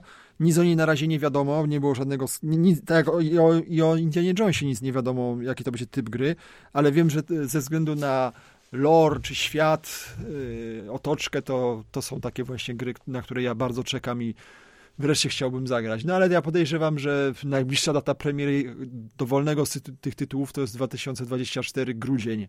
No bo wiadomo, że GTA to jest 25 y, i pewnie w maju, tak myślę, bo oni chyba w maju te gry wypuszczają. Maj albo wrzesień. Ja mówię, że najpierw będą w maju, a później się obsuną no, na wrzesień. No, to... czyli mamy prawie dwa lata czekania, więc to okej. Okay. Tak. Ale robi trailer z niesamowitą robotą. Mnie się strasznie podoba ten klimat i w ogóle... I dopiero później te nawiązania, te smaczki, że to wszystko było y, zainspirowane tymi, tymi nagłówkami z, z amerykańskich mediów, y, Florida Man, nie? Że tam po prostu nie możesz powiedzieć, tak jak w polskim prawie, tak, że, że ukrywa się dane osobowe, nie? Mhm. Tylko, że u nas to jest taki sposób trochę mniej, e, mniej kon, e, konkretny, bo tylko się po prostu mówi, że człowiek, czy osoba z Florydy i, i, i te wszystkie filmiki, ja to później widziałem porównania, to faktycznie były zainspirowane prawdziwymi tymi, czy to twerkowanie na pędzącym samochodzie, czy wyciąganie z e, tak, krokodyla z, z, z, tego. Jest naprawdę każdy te, tych filmów, szczególnie te, które wyglądają jakby były y, z, z social media. Tak, nie? są takie, tak, tak, te wstawki. Rolek,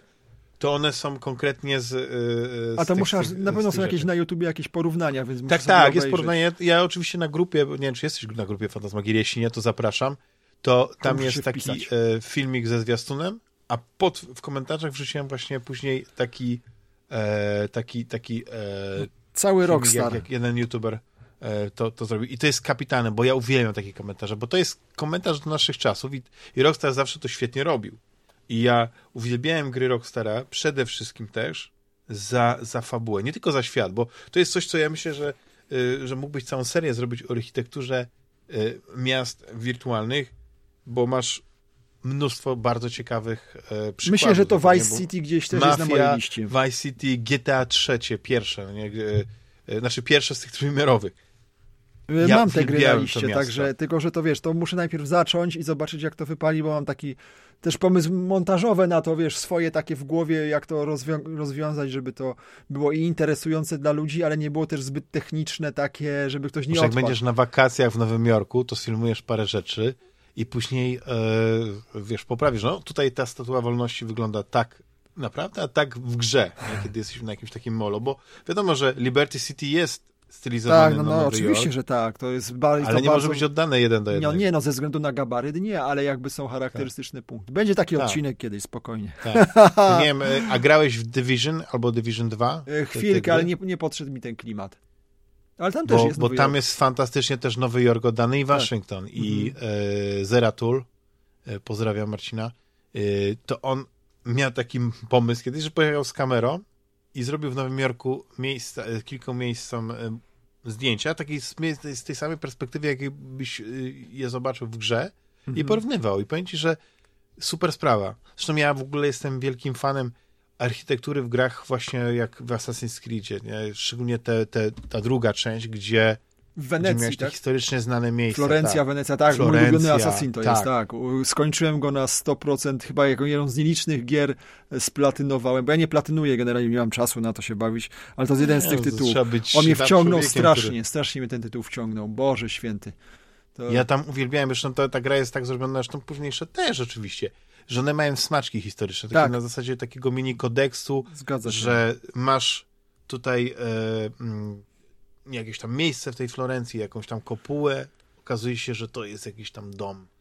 No strzelam, bo już nie pamiętam, jakiś dom, jakiś dożów, czy coś w tym stylu. Tak, to oni, oni się ładnie tak trzymali, nawiązywali do tego wszystkiego, także tam, tam było to sprytnie porobione, to się zgadza. No później to, wiesz, to poszło w taką... Rozmemłało się, ja już nie grałem Tak, oni nowe. zaczęli gonić swój własny ogon, no nie, bo Ten te, metaplot te, te się zgubił cały. i tak dalej, to wszystko było... Popieprzyło się strasznie to. grubymi Tak, tak, już... Ale sama gra, gra super. No, ja, ja w ogóle jestem ciekawy tych nowych odsłon, bo ja jeszcze tego Mirage nie widziałem, nie widziałem tego, tej wersji VR e, Nexusa, więc jestem ciekawy, mm. jak w tym kierunku tam poszli, ale wiesz, ja, ja nie chcę, żeby coś się stało złego tej marce, bo ja uwielbiam markę Assassin's Creed i uważam, że częściej mieli świetne gry, bardzo dobre gry, niż na przykład słabsze. Ale nigdy nie mieli jakichś takich złych gier, bo mm -hmm. nawet Unity, które miało technicznie, wiesz, problemy, tak, to, tak, mam. architektura Paryża Oj, fenomenalna, a jeszcze ten motyw, gdzie się przenosiliśmy chyba do czasu współczesnych. Tak, było, było. Na, mm -hmm. na wieżę Eiffla. Rewelacja. No to jest dla mnie perła, perła yy, wśród gier. I nikt mi nie powie, że o, bo yy, wywalała mi się, albo jak chcieliśmy grać w multiplayer czteroosobowy, to coś mi nie działa. No okej, okay, no nie, no nie, nie, ta gra nie była doskonała, ale też nie dam sobie mówić, że to była słaba gra i nie powinienem w nią nigdy zagrać. Ja się bardzo cieszę, w nią zagrałem i, i teraz pewnie po tych wszystkich łatkach, to jakby ktoś pierwszy raz trafił na Assassin's Creed Unity, to to, to będzie uczta. Tam był problem z tymi twarzami, pamiętam, że te twarze się te gliczowały strasznie i zęby wychodziły na wierzch, języki, tak. oczy się wybałuszały. Tak, tak, tak, tak, tak. Ale, ale to jest tak, wiesz, że yy, yy, jak ta Maksyma mówi, no nie, u mnie działa. Czy ja na przykład nie miałem takich problemów. No faktycznie, no to jak, jakbyś obejrzał taki filmik, gdzie ktoś zebrał te wszystkie glicze, no to wygląda jak to, że po prostu ta gra tak. dziwne, że w ogóle się uruchamia. Ale jak ona ci się powie taki glitch raz na dwa, trzy razy, no to no to jest okej, okay, nie? No da się grać, nie? Mhm. Niemniej to jest też taka y, ta różnica między ogromem współczesnych gier i ich złożonością, do tego, że tam po prostu nigdy nie jesteś w stanie przewidzieć, co się w danym momencie, kiedy może wywalić. Te stare gry były łatwiejsze do przewidzenia, ale też miały swoje e, problemy, bo też były takie gry, które e, jak już wyszły, to już nie można było ich spaczować. Więc jak był jakiś taki błąd, który chyba to słynny chyba e, kwestia Montezumy, tak? Że Montezumy się nie dało Niedokończona, no, tak, takie... wersja. Mhm. Tak. I to jest no, no i, co, i co pan robi? Nie mamy pańskiego płaszcza i co pan nam zrobi, nie? No. I tego, I tego powiedzmy dzisiaj już nie ma, bo, bo, bo gry są na bieżąco patchowane, ale z drugiej strony ja jako też kolekcjoner gier coraz z większym smutkiem obserwuję to, że kupuję grę na płycie, a i tak ona wymaga e, połączenia z internetem, a, a już na PC to już wszystko to jest biblioteka cyfrowa i już się nawet przyzwyczaiłem do tego, wiesz... Yy, yy, Kiedyś no, były czasy, ma... dzisiaj nie ma czasów, jak to mówią. Tak. Piękna maksyma. Yy, drogi Marcinie, naprawdę zabrałem ci dużo czasu, ale było tak sympatycznie. Myślę, że jakbyśmy jeszcze tutaj parę no tematów poruszyli, tak, to byśmy i trzy godziny goni. nagrywali. Tak. ale, ale, ale w takim razie musimy się kiedyś jeszcze mówić, już by wtedy bez, bez historii, po prostu pogadamy sobie o czymś innym i, i, i też będzie sympatycznie. Jasne. E, mam nadzieję, że się na następnym Pixelu też e, zobaczymy. Będziemy kultywować tą tradycję. Zgadza się. Ja, oby, oby. E, jak już to wiecie, parę razy o tym mówiłem, ale jeszcze raz przypomnę, że gorąco polecam E, materiały Marcina i chłopaków na No chłopaków, na loadingowe, loading. bo przecież nagrywamy wspólnie tak, też, prawda, tak. więc jako drużyna.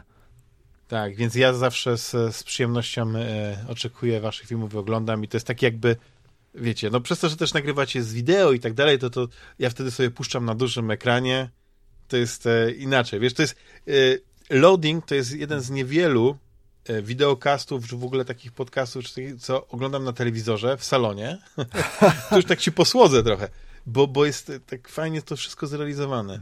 Bo, bo faktycznie ten pomysł, żeby ta rozgrywka była prezentowana podczas mówienia, to może nie jest jakiś nowy, ale to tak pasuje i jest, i ta tematyka mi pasuje i wasza rozmowa. Więcej się przypomina wtedy ludziom, prawda, jak oglądają i słuchają, to, to jest też ja inna razu rozwiązuję ten problem, że nie muszę teraz szukać nie i odpalać tej gry, bo o czym jest. nie wiem, czy ja dobrze ją pamiętam, tylko ją widzę, mm więc, więc to jest super.